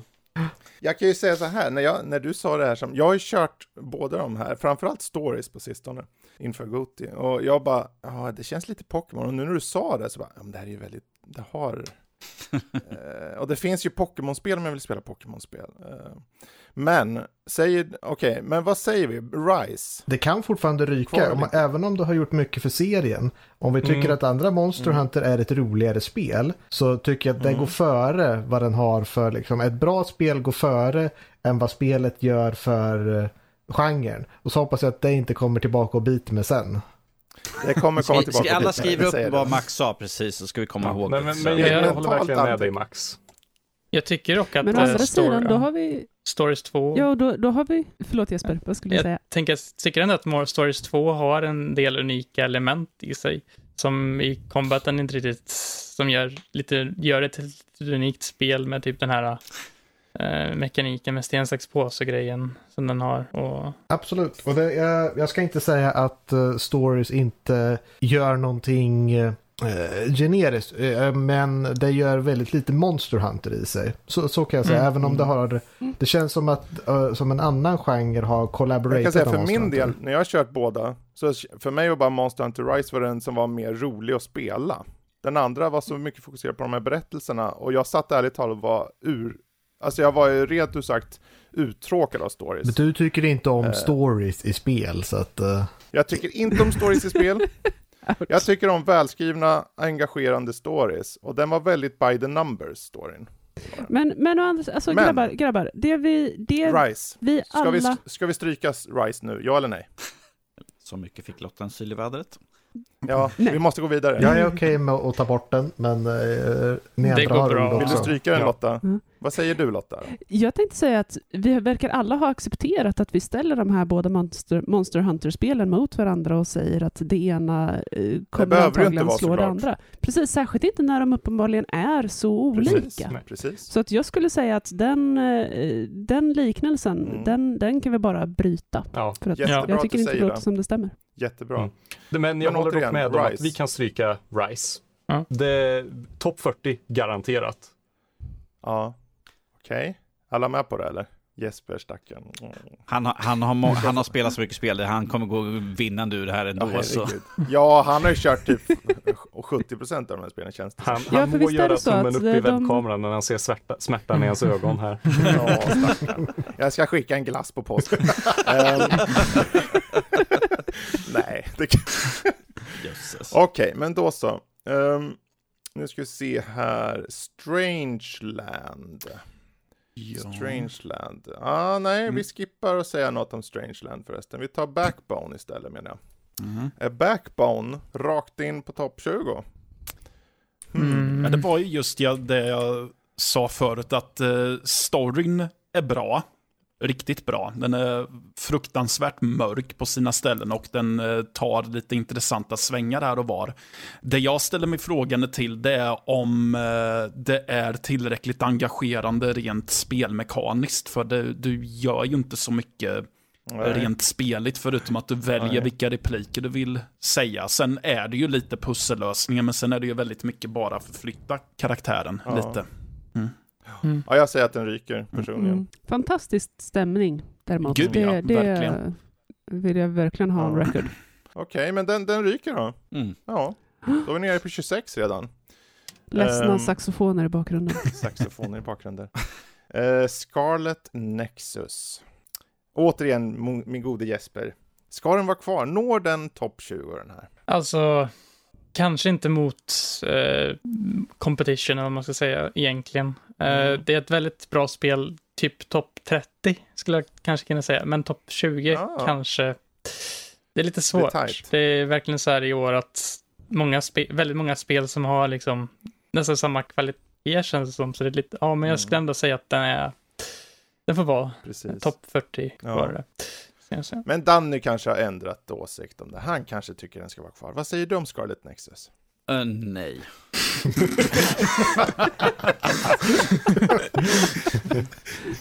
so, De får hitta gärna någon annanstans att but mumsa på. no. Mm, Okej. Okej, ja, men då ryker Scarlet Nexus där. Sorry Jesper. Då är det frågan om det ryker i cyberpunk-världen när vi kommer till ehm, The Ascent. Jag är fortfarande på för att låta den gå till topp 20. Jag tycker det är en teknisk bedrift i spel och framförallt ett väldigt kul eh, gameplay. Mm. Jag skulle inte säga att storyn är, det är ju knappast topp 10 här. Men topp 20 kan jag tycka personligen. Men vad tycker ni? Ja, alltså jag måste ju säga att jag fick eh, väldigt mysiga gamla Fallout-vibbar när jag körde det. Mm. Eh, och det, det drar ju lite extra på hjärtesträngarna. Så att, eh, Okej. Ja. lite bonuspoäng där för, för säger mig. Matte? Ja, alltså jag håller ju med om de tekniska bedrifterna och allt det där. Och jag skulle ju vara okej med att det placerar sig ganska högt. Men det var just jag kom på mig själv efter några timmar att jag vart ganska irriterad på spelet. Och jag kan inte riktigt sätta fingret på vad det var heller. Nej, Men jag nej. vart lite så här, men vad fan måste jag göra det här igen nu? Jag, jag vill Mm. inte, men jag måste göra det. Och Mm. lite så här att om jag var tvungen att ta om vissa partier så var det lite där, men jag vill inte se den här mellansekvensen igen. Snälla kan jag få skippa den mycket snabbare istället? Och så, ja. Ja, Men- ja men bra, Mm. bra input. Norsk. Eh, Bara jag. That's it. Yes, vidare. Okej, Det är mitt ja. argument. Norskan har talat. Är, är, är, ditt, Ja. är ditt argument, vi går vidare? Yes. Okej. Okej, så du sa ja att du vill ha kvar Ja. den då? Bara Ja, jättebestämt. Så. Okej. Ja, ja, det är bra, jag tycker om Han säger hela handen pekandes. Jag kör, jag kör maxduket här liksom. Men Ja, nej, nej, ja, ja, Precis. ja, nej. det finns, Okej, det finns ingen... men då får vi se om kanske- det... Men det är intressant, för du kommer ju tillbaka till Monster Hunter Stories 2 Wings of Ruin. Är det en topp 20-spel, Jesper? Jo, men jag skulle ändå säga det eftersom att jag kände ändå att jag hade den här känslan av bara lite till, som du nämnde tidigare Mm. när jag körde det. Det var liksom kanske storyn som spelet låter liksom har, eh, inte är den bästa i år, om man säger så. Men själva gameplayet och gameplay-loopen tycker jag är så Mm, pass ro- engagerande att jag ändå vill ha det på topp 20. Så det är mitt argument. Men då är det kvar. Då är det kvar. Det är jättebra. Eh, och då kommer vi tillbaka till Humankind. Är det månntro dags för Humankind att dö ut? Nej men Fredrik, det är, ju- det är ju vi. Det är ju vi. Vi är humankind. Jag så fortfarande, jag är tyvärr ganska, jag är stubborn. Jag säger att det ska vara kvar. Det här ska nå topp 20 tycker Oj, jag. alltså, Ja, så jag tror ju att det vill till att man gillar genren, för jag själv vart ju ganska Ja. bortskrämd av all den vägg av text och information jag var tvungen att ta till mig. Och kände att nej, nej, nej det här känns alldeles för läskigt för mig. Inte för att vara som Mattias, men det är rätt så lite text och information för att vara ett 4X-spel. Ja, Eh, det kanske förklarar min relation till genren då, helt Ja. enkelt. Ja. Mm. Det tyckte jag också när jag bara såg på din stream Joel. Så det kanske liksom... Joel skrämde bort oss. Ja, jag sk- skrämde jag bort er med min stream. Ja, men då så, Ja, då fast har jag lyckats. spelade det själv. Det här var min plan från första början, Fredrik. Mm, Jag har inte fått Ja, spela men den. vi, vi, vi, ska vi stånga oss blodiga över den nu eller ska vi ta det sen? Nej, vi, vi tar det sen. Mm. Vi tar det sen. Och det, jag kan ändra mig sen, för vi är, inte, vi är bara 25 spel just nu. Mm. Det är fem till som ska bort, så det, det kan hända saker. Men eh, om vi går då till Life is Strange True Colors.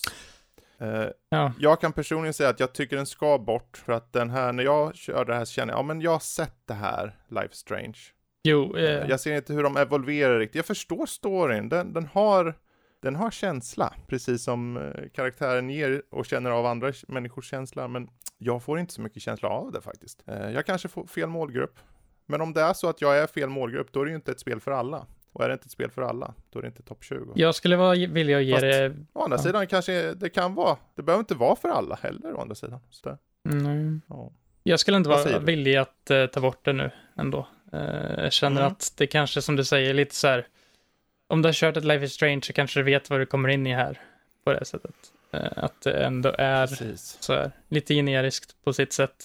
Även om det håller hög klass på det det gör så är det kanske Mm. inte så här just kraven för Ja, det har ju som sagt, alltså, som sagt, alla de här spelen har ju nominerats. Och det är superbra spel. Men når de topp 20? Nej, kanske inte. Så Life is Strange, True Colors försvinner där. Vi är nere på 24. Ehm, bra. Då hoppar vi ner till Eastward, eller är den kvar? Nu tog vi bort. Nej, den är ju Den borta. redan. Nej, den är borta.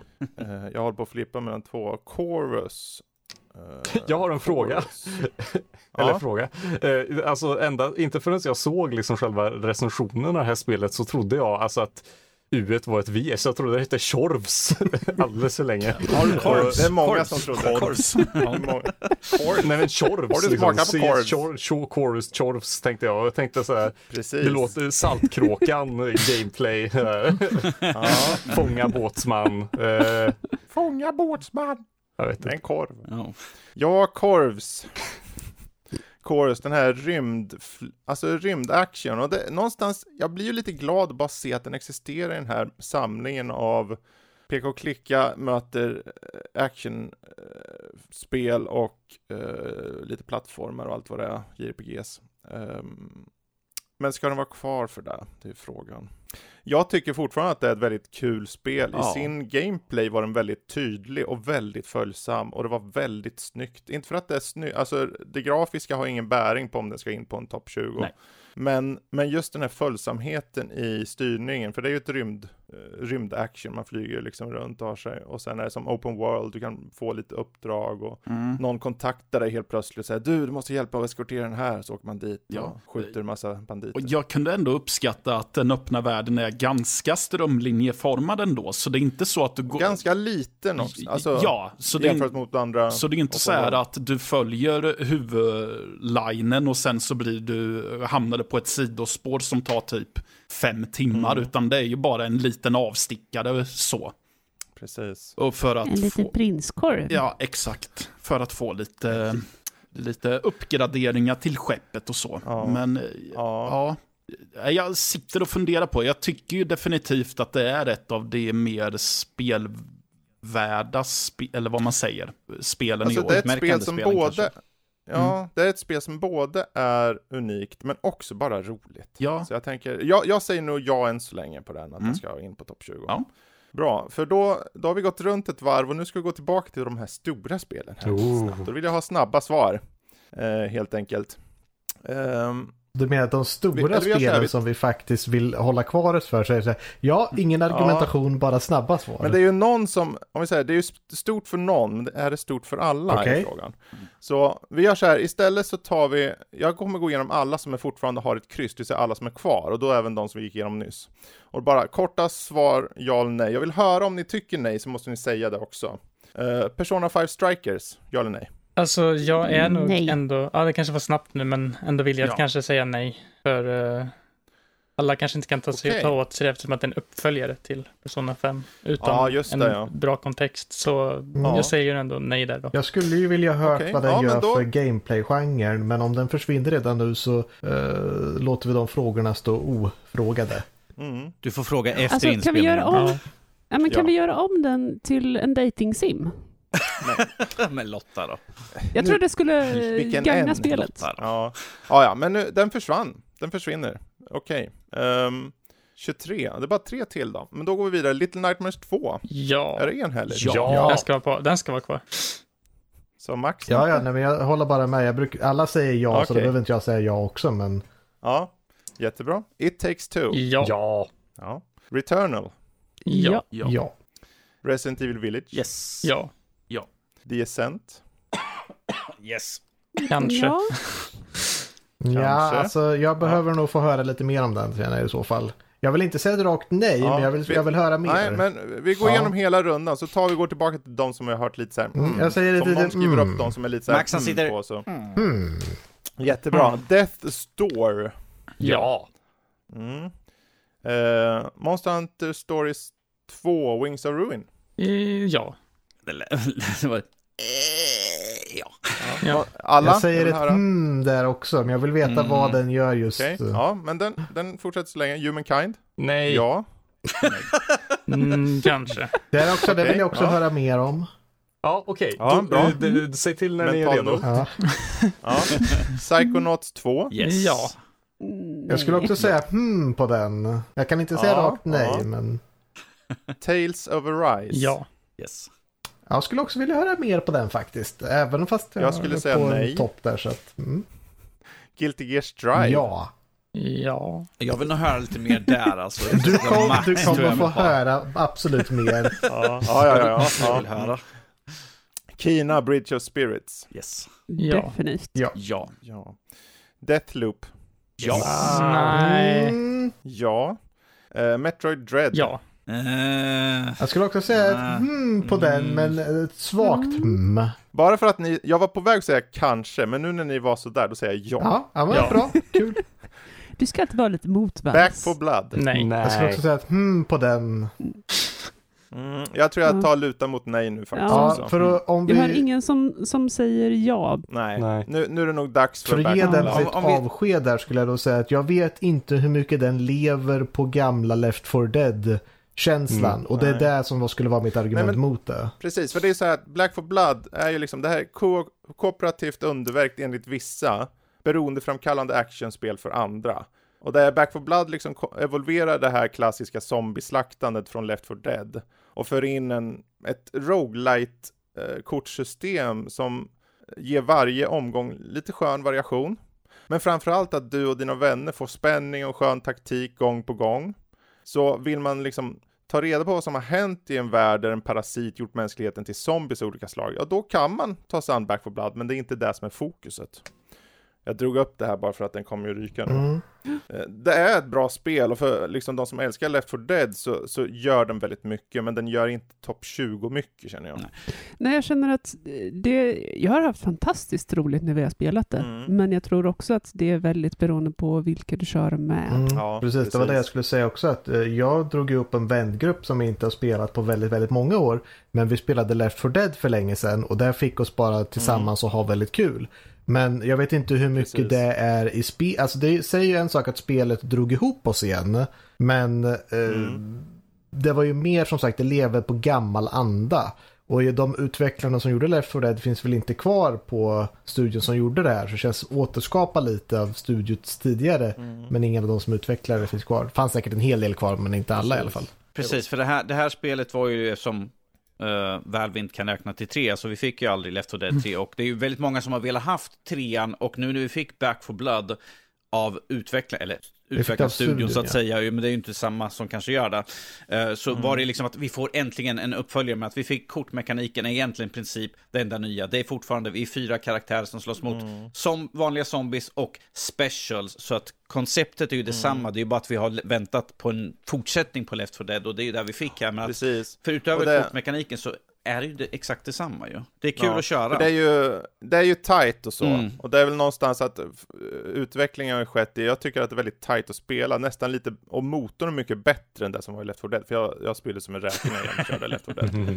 Eh, men, eh, och sen är det såklart, som du säger nu, det, det gör inte så mycket förändring för att det bara tar och liksom finslipa vad som har gjort, men det är ju, där kommer ju vissa av de andra spelarna också. Mm, jag vet, jag har ett par stycken Som som, bygger på, lever på Men, det. eh, men den ryker i alla fall, den ryker. Bra jobbat. Mm. Så. Ja, det, 22 spel. Eh, vi går vidare till Riftbreaker. Den ska vara kvar. Alltså det måste ju vara kvar. Jag säger ja. Usch, mhm. tycker inte det var Eh, jag kul. Alltså det här är ju ett när ett klassiskt RTS möter Twin Stick Shooter, möter RPG, möter Tower Defense och då får vi The Riftbreaker. Ja. Och det är ett spel vars liksom förstörbara miljöer mixas med en lika snygg grafik och följsam styrning. Singelkampanjen kan få det att naturligt ta det vidare i spelet och hela tiden få en tydlig uppskalning i utmaning. Och allt det här är ackompanjerat av liksom ett nytänk sett till både just den här funktionen och vad det faktiskt är. Så jag, jag säger just nu ja, men vi får se om det håller. Jag Ja, säger- men alltså jag man säger kan springa nej. runt med en eldkastare och slåss mot Tyranid-liknande aliens. Det är ju fantastiskt. Kom igen. Ja, ja den överlever så länge. Mm. Det- det- Mm, ja, jag ingen skulle vilja höra mer framtiden sen. Men jag är bara nyfiken på Danny, för du, gillar, du sa ju att du inte gillar genren. Alltså, jag, Betyder det att spelet är dåligt för dig? alltså spelet är ju inte dåligt sig, men jag tyckte det var någon, jag var inte så förtjust i det. Alltså jag testade ju på det, men att det är ingenting jag skulle fortsätta att spela eh, Nej. själv. Men är det för att, för det är ju som du säger Det, där. det är mest för att jag fann inte det intressant eller kul, alltså rent spelmekaniskt. Alltså, det- storyn är intressant, tyckte jag det lilla jag fick därifrån. Du är en simulator, du börjar första grejen på att testa på, men att det kommer hända andra saker framöver.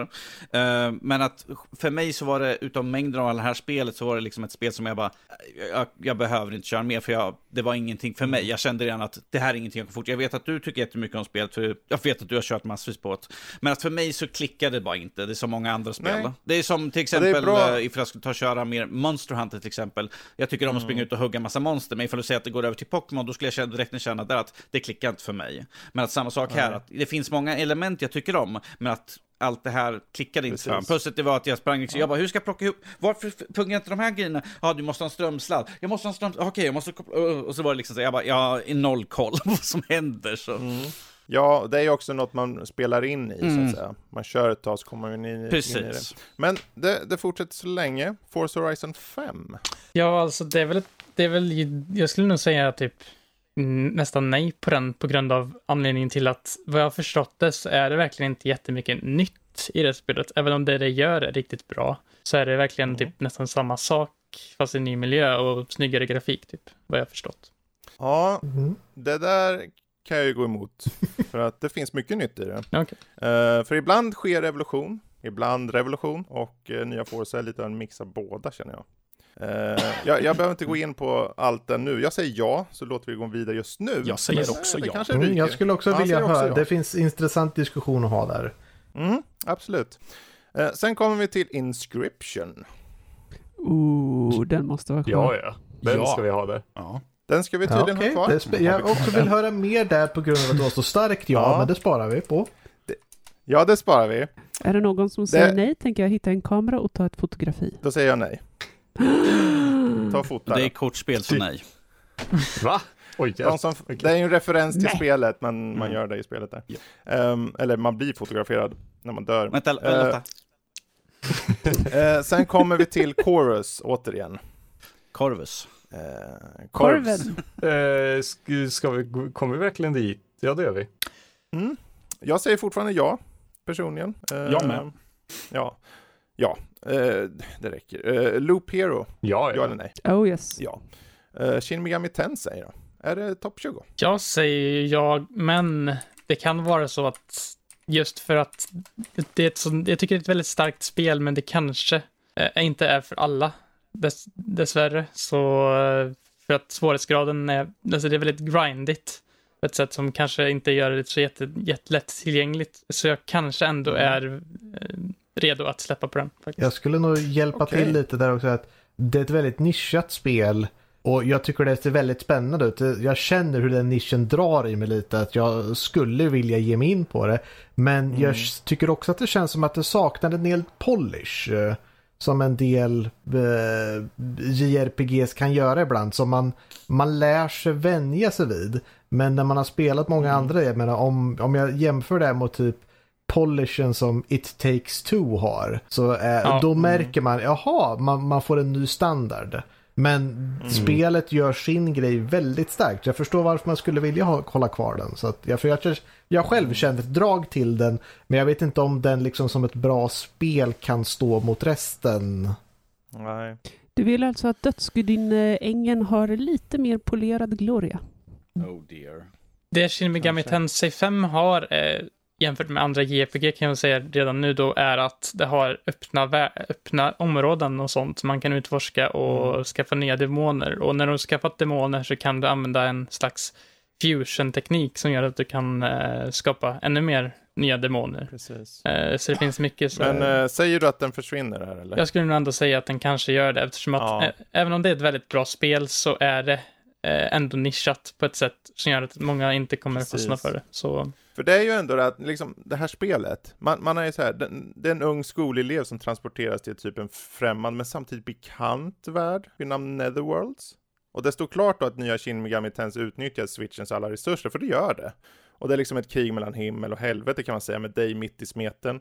Och det är utan tvekan liksom bara starten av äventyret när man sen tar sig vidare till Tokyo och, och tillbaka och att du då, som du sa där, även kan addera demoner som följeslagare eller kompanjoner, vad man vill kalla det, eh, gör att det blir lite mer unikt. Men eh, jag skulle också säga, ja, det Mm. Skulle bara ge det ett pluspoäng för personlighet i spelet. Jag menar det här som att Ja. se eh, en, eh, ens hydra tala mot japanskans motsvarighet av hydran. Och de båda monstren tävlar om vem som har mest huvuden som bestämmer vem som är starkast. Mm. Det är liksom att den dialogen finns i Nice. spelet mellan monstren att ha Ja. är lite roligt. Precis. Ja, men då så. Nu har vi bara, vi ska ta bort ett till spel bara. Ooh. Så vad ni gör nu är att ni tittar igenom den här listan här och så väljer ni ut varsitt spel som ni känner personligen. Ja, men det här tror jag är det som kanske inte får plats. Eh, så kolla igenom alla spel. Eh, under tiden ni tittar ska jag säga att de som är kvar är Little Nightmares 2, It takes two, Returnal, Resident Evil Village, Strangeland, Ratchet and Clank, uh, Clank Rift Apart, The Ascent, Death's Door, Monster Hunter Stories 2, Wings of Ruin, Humankind, Psychonauts 2, Tales of Rise, Guilty Gear Strive, Kina Bridge of Spirit, uh, Deathloop, Metroid Dread, Riftbreaker, Forza Horizon 5, Inscription, Chorus och Loop Hero. Vi börjar med Danny. Ett spel som du känner, det här kanske inte platsar topp 20. Vilken är det? Uh, ja du, ifall jag skulle välja ut av de som vi har kvar här skulle jag kanske säga eh, Monster Hunter Stories 2 Wings of Ruin. Okej, vi säger inget mer om Nej. det utan vi går vidare till eh, Jesper. jag skulle säga Strangeland. Strangeland. Och sen så Joel, Ja. Humankind. Humankind. Och sen Lotta. Jag kommer vara, eh, få mothugg på det här, men Psychonauts 2. Oh, tro mig att du kommer få det, jag har svärdet redo. Ooh. Det är inte den respons man hade förväntat sig. Nej. Ja, Max. Jag har faktiskt ganska svårt att välja en. Jag har väldigt många hms, men jag har faktiskt ingen direkt nej på någon av dem. För att jag känner att alla har en liten merit. Så jag faktiskt, faktiskt kan inte säga nej till något. Nej, okej. Ja. Du vill hålla alla dina optioner Nej, men det- öppen det- för det- eh, köpslaget. Det är av ovetskapen något. eh, mer än så. Ja, Mm. Okej. Men det är bra. För du, du är lite som en joker. Du sitter och väntar in till. Ja, det är bra att ni har den bilden. Ja, men av, alla de spel som är här, Matte. Ett spel som du känner, men den här kanske inte platsar topp 20. Ja, jag hade ju redan bestämt för jag trodde att det skulle komma eh, i förra omgången innan vi gjorde det här. Mhm. Ehm, Strangeland. Strangeland. Två du, på ja. Strangeland, eller hur? Ja, Mm. Ja, precis. Och jag säger Tales of Arise. Mm. Så nu är ju frågan här, för vi har uppenbarligen, om vi vill gå på majoritetsgrej, så har vi Strangeland. Så då är frågan, känner ni som har sagt andra spel att, uh, att de ni nominerat bör försvinna mer än det som alla andra har sagt? Det vill säga, Monster Hunter Stories 2 var det Danny som sa. Känner du att uh, någon av de här som de andra har sagt är mer värt att försvinna än Monster Hunter?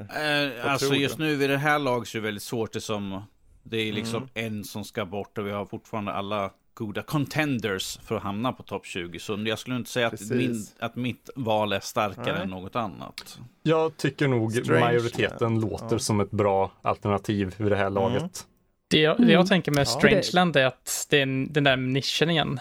Att det är verkligen så här, du måste Mm. vara väldigt insatt i den här picka-klicka-genren för att ens förstå någonting vad du ska göra i det spelet. Eller Du är ju på en- inne på det som är anledningen till att jag väljer att plocka bort det själv också. Just för att jag vet inte hur jag ska kunna Mm. komma på motivationsförsök utan att låta som en nostalgiker Ja. till genren.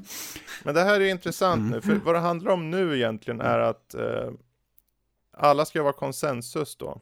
För jag personligen tycker, om jag ska jämföra, för de spel som alla har sagt nu är Monster Hunter Stories 2, Strangeland, Humankind, Psychonauts 2 och Tales of Arise.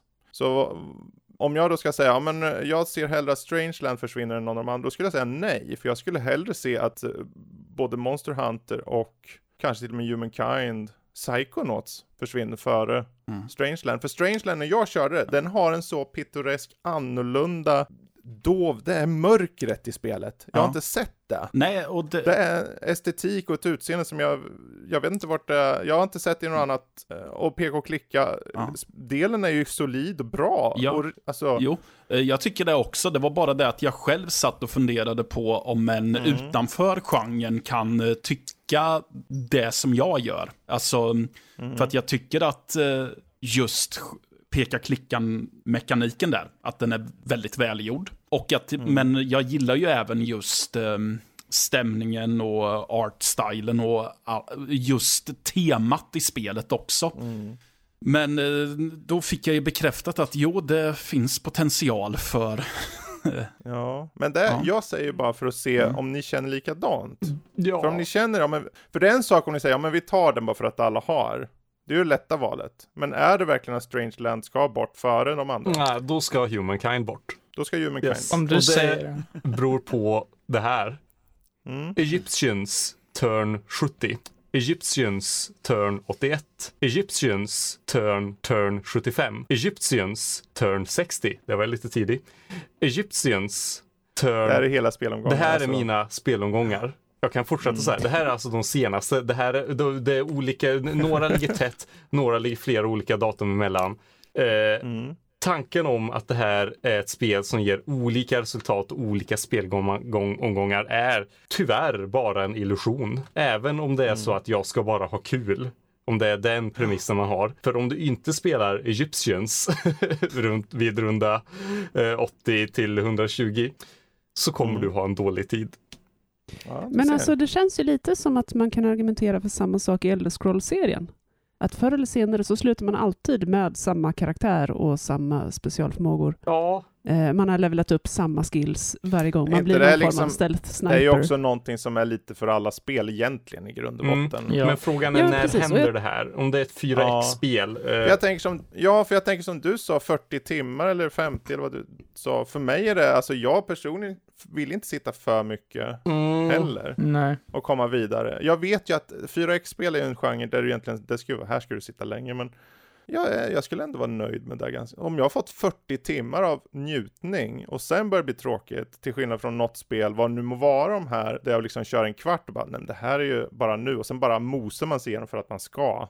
Ja, minsann betala för det här. Ah, och jag, skulle, jag skulle vilja invända och säga det att eh, jag har inte hört Joel argumentera för att det blir tråkigt. Jag har hört honom argumentera för att det blir samma. Ja, eh, det blir... Ja. Att det- valet är en illusion. Mm. Nej, men Att det blir, samma ett- spel om och om igen förr eller senare. Mm. Men, men det blir eh, tråkigt. Eh, och det är samma sak med det här eh, inte jättebra stridssystemet. Det är en av spelets absolut största svagheter. Det och hela eh, influensgrejen som är så sjukt otydlig just nu. Och samt diplomatisystemet som inte riktigt är färdigutvecklat. Det, ja, det- jag, jag håller med om att eh, det, jag tycker det platsar på topp 40. För det gör nya saker med genren. Eh, det kommer med, alltså det, det, det är som att någon kommer med en helt ny verktygslåda. Liksom. Eh, men då vet man inte riktigt vad man ska göra med de här verktygen. Och det märks. Precis. Lotta kommer Ja, hamra på där- allting. där Lotta däremot kommer använda tycker jag. hamrarna. Jag tänkte, nu, nu hoppar vi vidare, för du sa Monster Hunter Stories Danny, Mm. och jag sa Tales of Rise och Lotta sa Psychonauts. Varför tycker ni de ska försvinna? Tycker ni de fortfarande ska försvinna utöver de här spelen?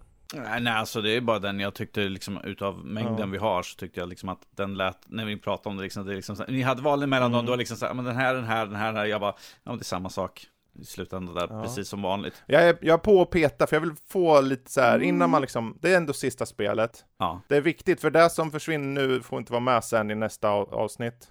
Så eh, det skadar inte att peta lite extra.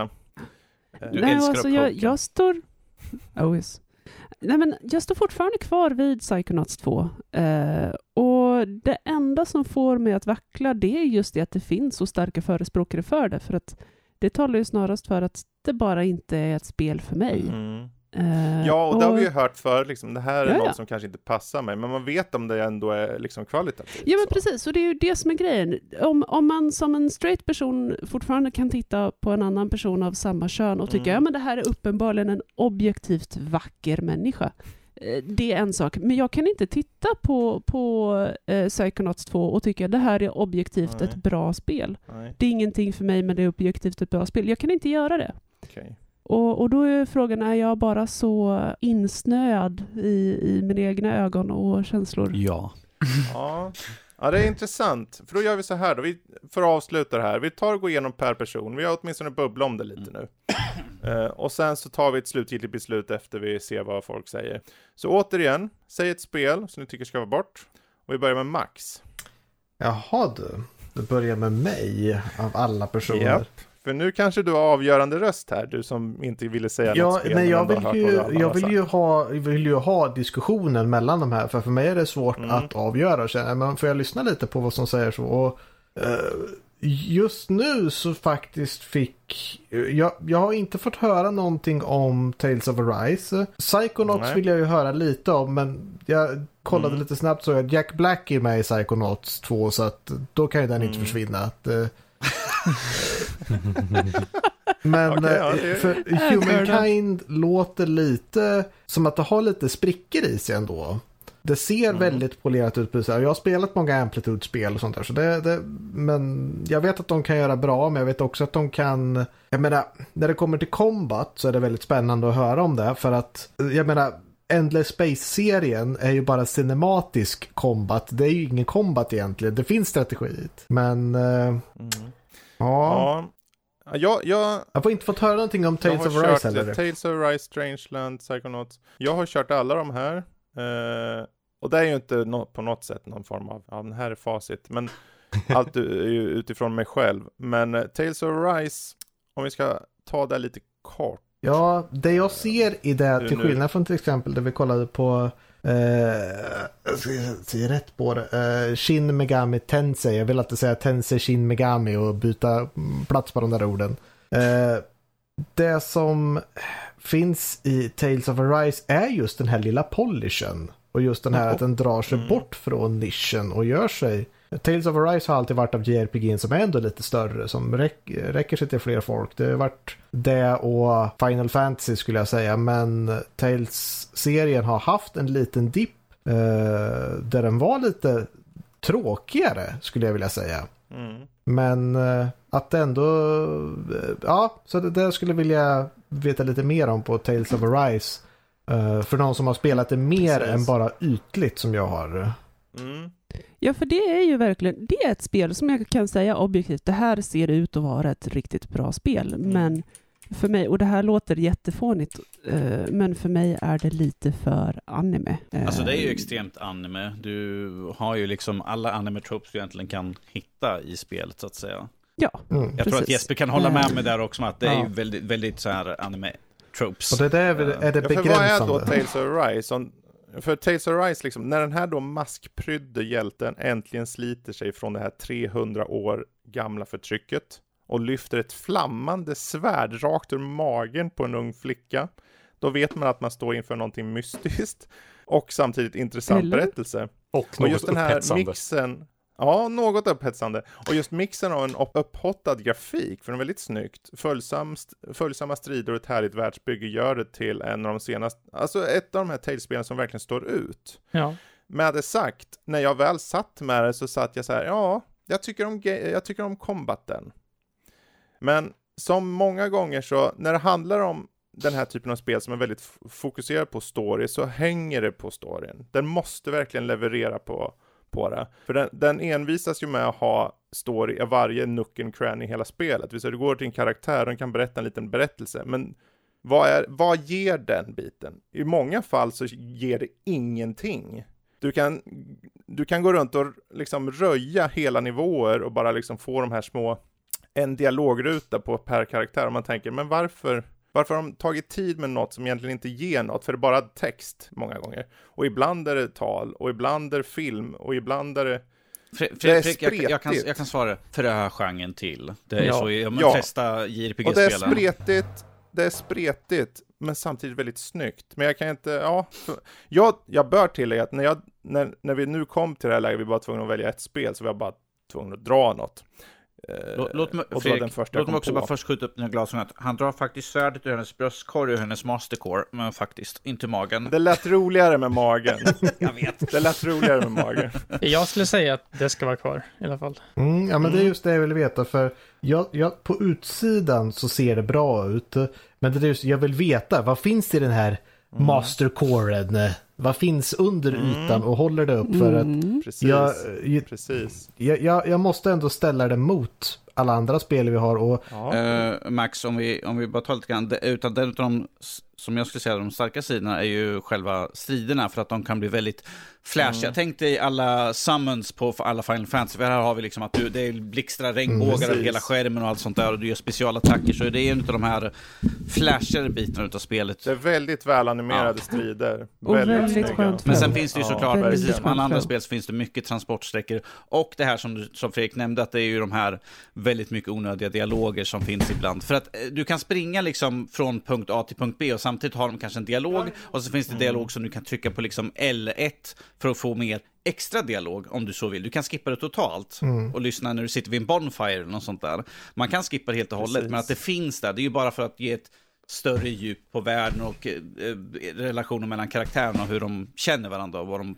Vad, Mycket världsbygge precis. liksom. Men ger det någonting extra? För att det där, nu- har vi bestämt att vi, vi, vi tar ju inte med eh, remasters eh, och vi tar ju inte med expansioner. Men Mm. ett spel som till exempel Final Fantasys 14s expansion eh, där varje person, varje quest verkligen förgyller världen eh, på ett, på ett sätt.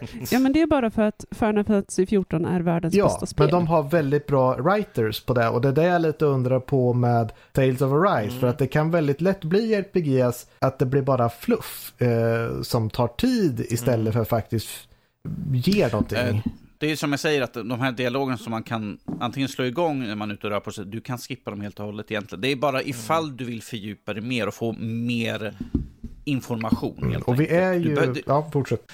nej, det var inte mer. Det är, liksom, det är optional egentligen. Du behöver inte lyssna på dem. Mm. Men det är ju också det att när du har dialoger och när du har det, det blir ju också onödigt mycket. De säger, de ska säga i en hel film något som de kan säga på fem minuter. Mm. Det är ju en kondensation som behövs många gånger. Men det här, precis som du sa Danny, så tillhör det också genren. Och när man ser till vad genren gör så gör det väldigt bra för sin genre. Ja, och Ehm, det handlar ju också om de här små dialogerna. Eh, om man kan springa fram till, till vilken eh, livegen som helst eh, som står och jobbar och gräver och har sig. Eh, vad tror du personen skulle säga till Står en gubbe i en åker, man springer fram. Hallå? Han bara, det är blött idag. Det är mycket grödor att sk- skyffla här idag. Oj, oj, oj, oj, Men oj. just det, det där är ju intressant du säger, för någon gång så gick jag fram till någon och han började prata om sitt barnbarn bara för att, medan jag frågar om vägen till, och det är så många gånger, de säger något ovidkommande jämt. Men vi, vi hoppar vidare för Monster Hunter Story, Strangeland, Humankind, Psychonauts 2 och Tales of Rise. Du säger vad då Max?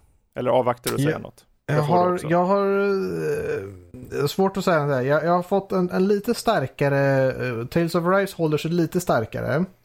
Jag Mm. eh, behöver veta lite mer om Strangeland för att den ligger nu den och Humankind Mm. ligger på mig liksom båda så. Men det, det är Mm. från, från er också jag hör det. Jag försöker ta Ja, liksom beslut precis. över. Så att jag har ju inte, jag kan inte säga att jag är expert på det. Så att, eh, Nej, vi hoppar till Lotta då.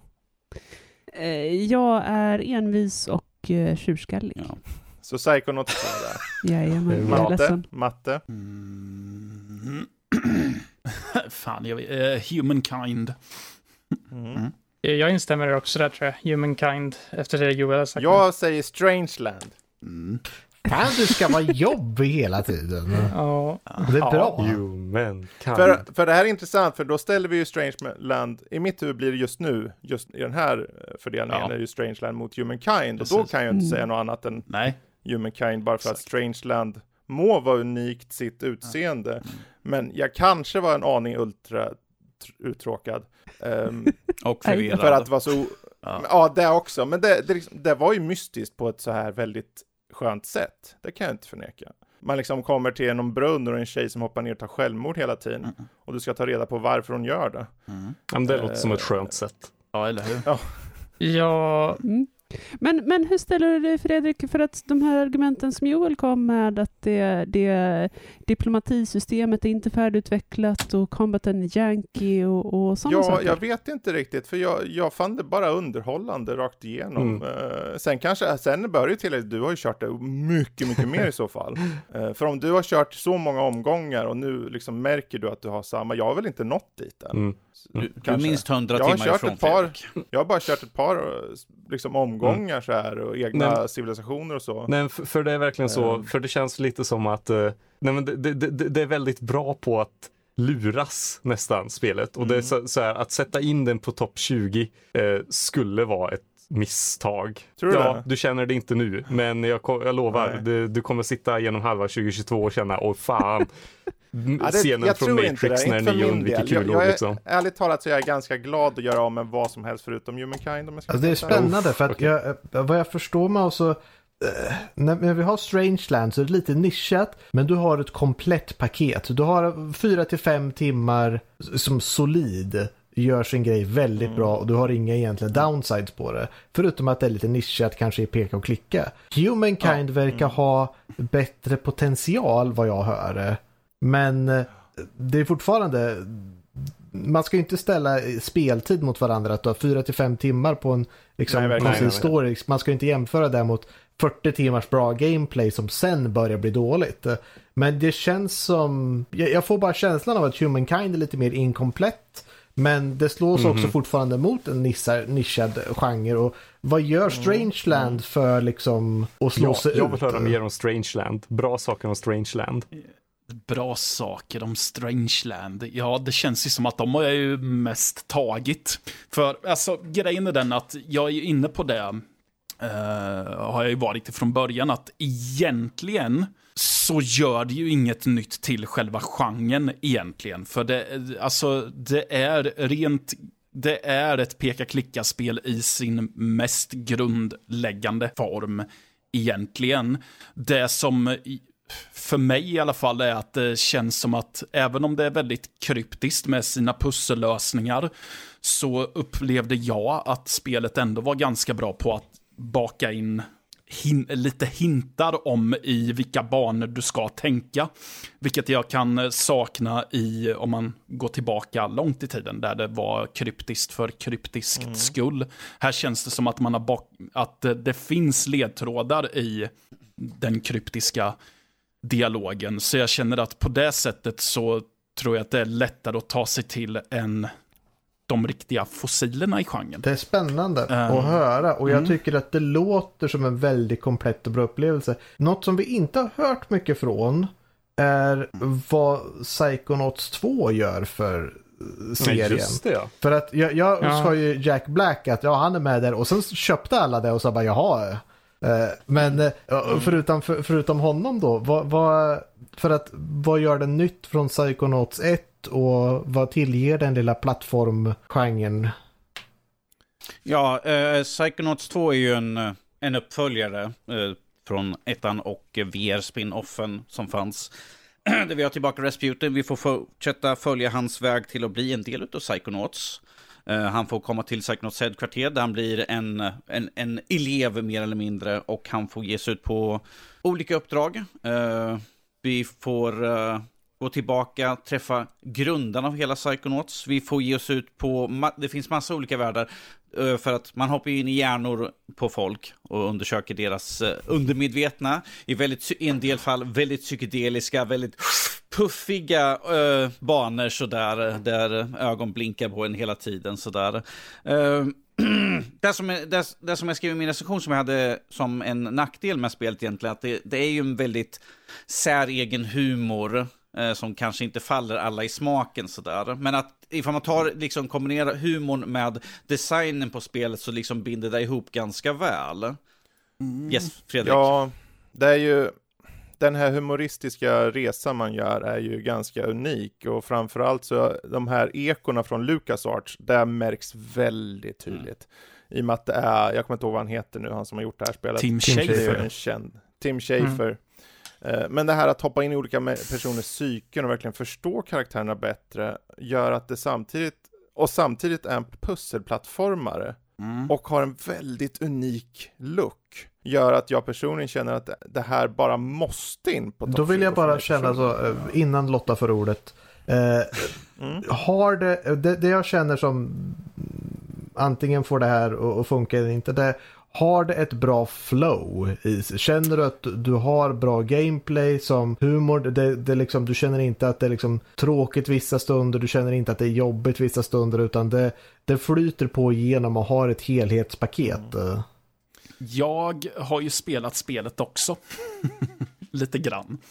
Uh, men alltså grejen är den att jag har ju lite problem med det rent spelmekaniskt. För jag tycker att det blir lite rörigt med alla dessa förmågor man har. Dels vad det gäller att byta emellan dem och sen så får du ju placera ut dem så på vilka knappar du vill ha dem. Så visst, det kanske är jag som har, har gjort det jätte fel rent så. Att den här kanske jag skulle haft på höger triggerknapp. Det är inte så ovanligt. Ja, nej. Jag menar, det, men, det, samma problem ja, har jag med Little Nightmares 2 men, men, eh, ja, precis. Men jag tycker att det blir, det gör att jag har svårt att ta mig vidare på vissa ställen just för att jag tycker att eh, förmågorna är placerade så rörigt på handkontrollen. Så. Mm. Och jag tycker att det, lite, det blir lite väl knöligt vid tillfällen då du ska kombinera den här förmågan med att snabbt göra den nästa grej. Eh, jag vet inte om jag uttrycker mig tydligt, tydligt eh, överhuvudtaget jag egentligen. håller typ med dig där faktiskt. Mm. Ganska, jag körde ju igenom det spelet tidigare i år. Eh, jag tyckte att, också att det var väldigt unikt och jag tyckte verkligen den här känslan som ni pratade om, den här LucasArts uh, unika känslan som det har, verkligen lever kvar i det här spelet. Eh, men det som kanske är lite grejen med det där med förmågorna är att oftast behöver du inte använda alla förmågor samtidigt, utan du, måste, du behöver egentligen bara använda en eller två eh, på en gång, så då är det bara att liksom byta ut dem så mm. när du behöver ha dem. Så jag tycker inte det, det var så... Det är, det är ju alltid primärt två stycken ifall du kör kombinationer. Mm. Eh, alltså alltid två som man alltid har som ska vara... För, för barnens kanske liksom att du ska eh, hoppa högt eller, eh, och flyta igenom och kanske mm. skjuta eller tända eld på någonting som glider igenom. Eh, så det är ju vanligtvis att det är de man ska sätta på sina primära knappar ju. jo, Precis. absolut. Men, eh, men, ja. men ni, säger, ni återkommer till det här, det är så unikt. Jag har inte spelat ettan. Men vad är det som är unikt med det? Det unika är själva språket, själva humorn, själva utseendet på spelet. Uh, spelmekaniken varvas med pussel som är ganska abstrakta ibland. Det kan vara från början när du liksom hoppar runt på enorma tänder uh, och får bouncy-bouncy effekter. Och det är ju en sak, det är ju bara en ytlig sak kan man tycka. Men helheten av det här gör att det är ett spel som, ja, det är unikt. Men samtidigt är det väldigt tight i kontrollen, det är ett roligt berättande. Det har karaktärer som man tycker först, men den här, vad tråkig han är, varför är han så här? Och sen när man hoppar in i personens psyke och förstår varför han är så, så plötsligt öppnar det sig upp. Och man förstår så mycket mer av både sin egen karaktär och omvärlden, för man ser det genom den här karaktärens ögon liksom.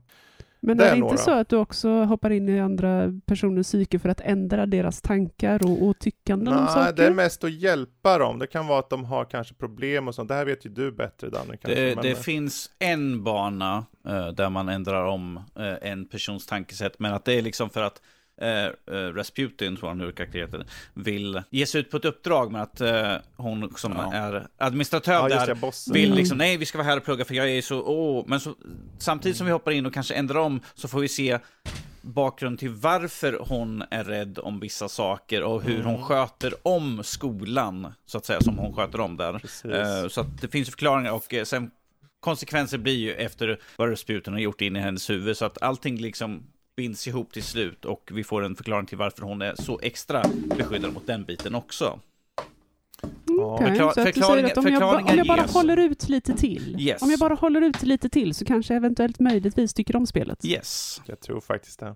Gäller bara sätta sig ner. Som sagt, hela första Ja. banan är ju bara, eh, alltså prologen är ju bara introduktion och du får lära eh, några få av de krafter. Men att samtidigt får du, du får fler, allt ju Mm. fler spelet går och du uppgraderar dem för bättre effekt, eh, effektivitet. Och jag menar, man kan faktiskt, man kan faktiskt elda upp lådor. Man kan, ja just gud, du och dina jävla lådor. Ja, just det. Ja, jo, man kan elda upp lådor.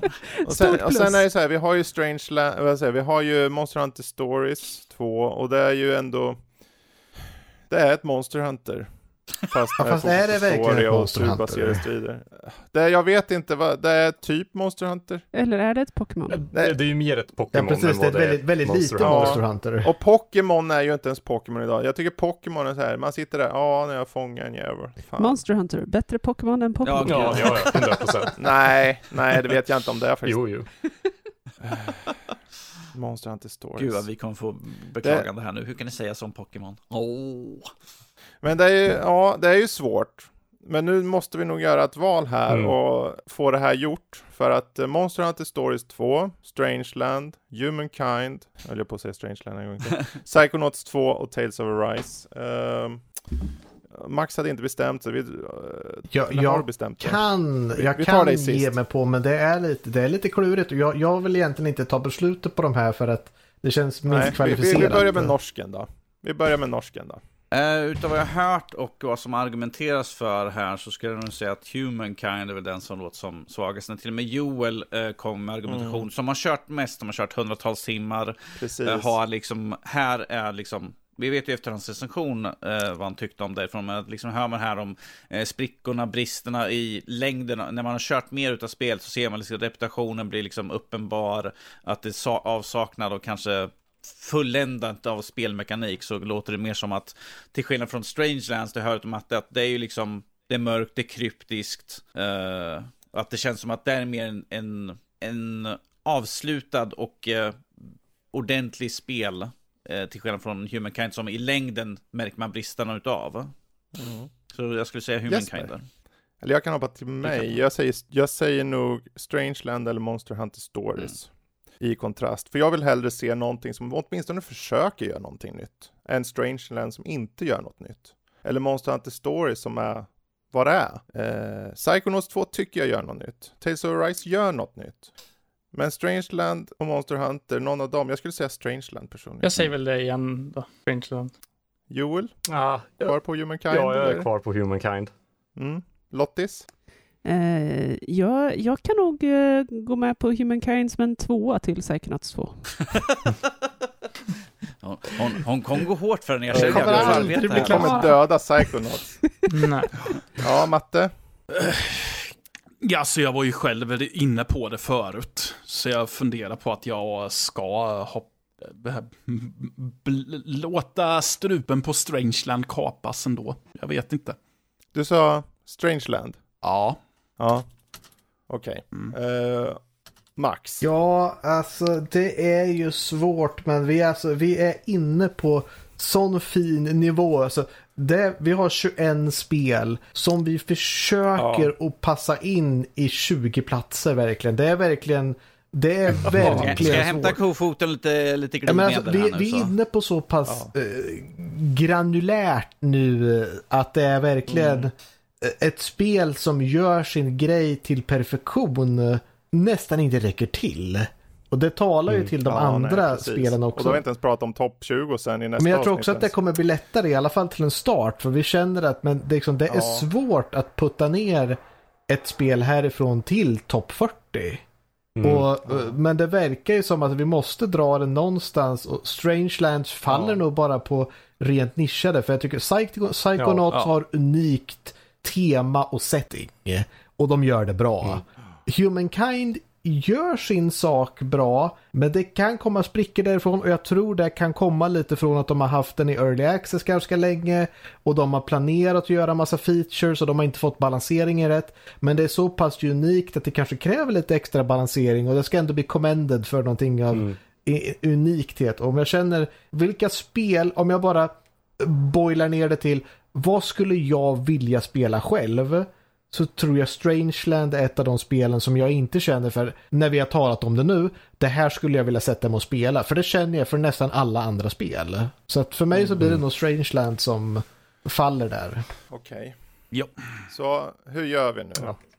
Jag tror vi har kommit till eh, det där Ja, som vi jag kallar tycker att det demokrati. låter som att det är så Ja. mycket konsensus det kan bli nästan. Då blir det Strangeland som försvinner ur to- och når inte, eller det försvinner inte, det försvinner bara Det stannar kvar. topp 20. Precis. Precis. Topp 30 till och med. Ja, Mm. precis. Det var Och- väldigt hårda diskussioner. Ja, här. verkligen. Jag trodde inte vi skulle komma Och- på så och- pass hårt nu. Jag trodde verkligen att det skulle komma topp Nej. 10. Men att vi är liksom, men det är nog just för, ju- som sagt, topp 20 här. Att eh, det är en Ja. stark 21 Mm. plats. Det blir intressant att se. Det blir intressant att se nästa avsnitt som kommer ut om ett par dagar på onsdag. Eh, när ni hör det här. Eh, då kommer del två. Eh, men de som är kvar nu inför och kommit in på topp 20 är Little Nightmares 2, It Takes Two, Returnal, Resident Evil Village, Ratchet and Clank Rift Apart, The Ascent, Death's Door, Monster Hunter Stories 2, Ring, Wings of Ruin, Humankind, Psychonauts 2, Tales of Rise, Guilty Gear Strive, Kina Bridge of Spirits, Deathloop, Metro Dread, The Riftbreaker, Forza Horizon 5, Inscription, Chorus och Loop Hero. Ehm, så vi står inför ett intressant avsnitt kommande snart. Mycket blod, svett och tårar utlovas. Ja, men eh, där tror jag vi tar faktiskt sätter punkt för det här avsnittet och eh, ni ser ju vilka som ligger med helheten. Alla ligger ju längst ner här i det här inlägget, men eh, häng med på onsdag. Då kommer sluttampen. Så tills dess, ha det bra allihopa, så hörs vi snart igen. Ta hand om er. Hej då!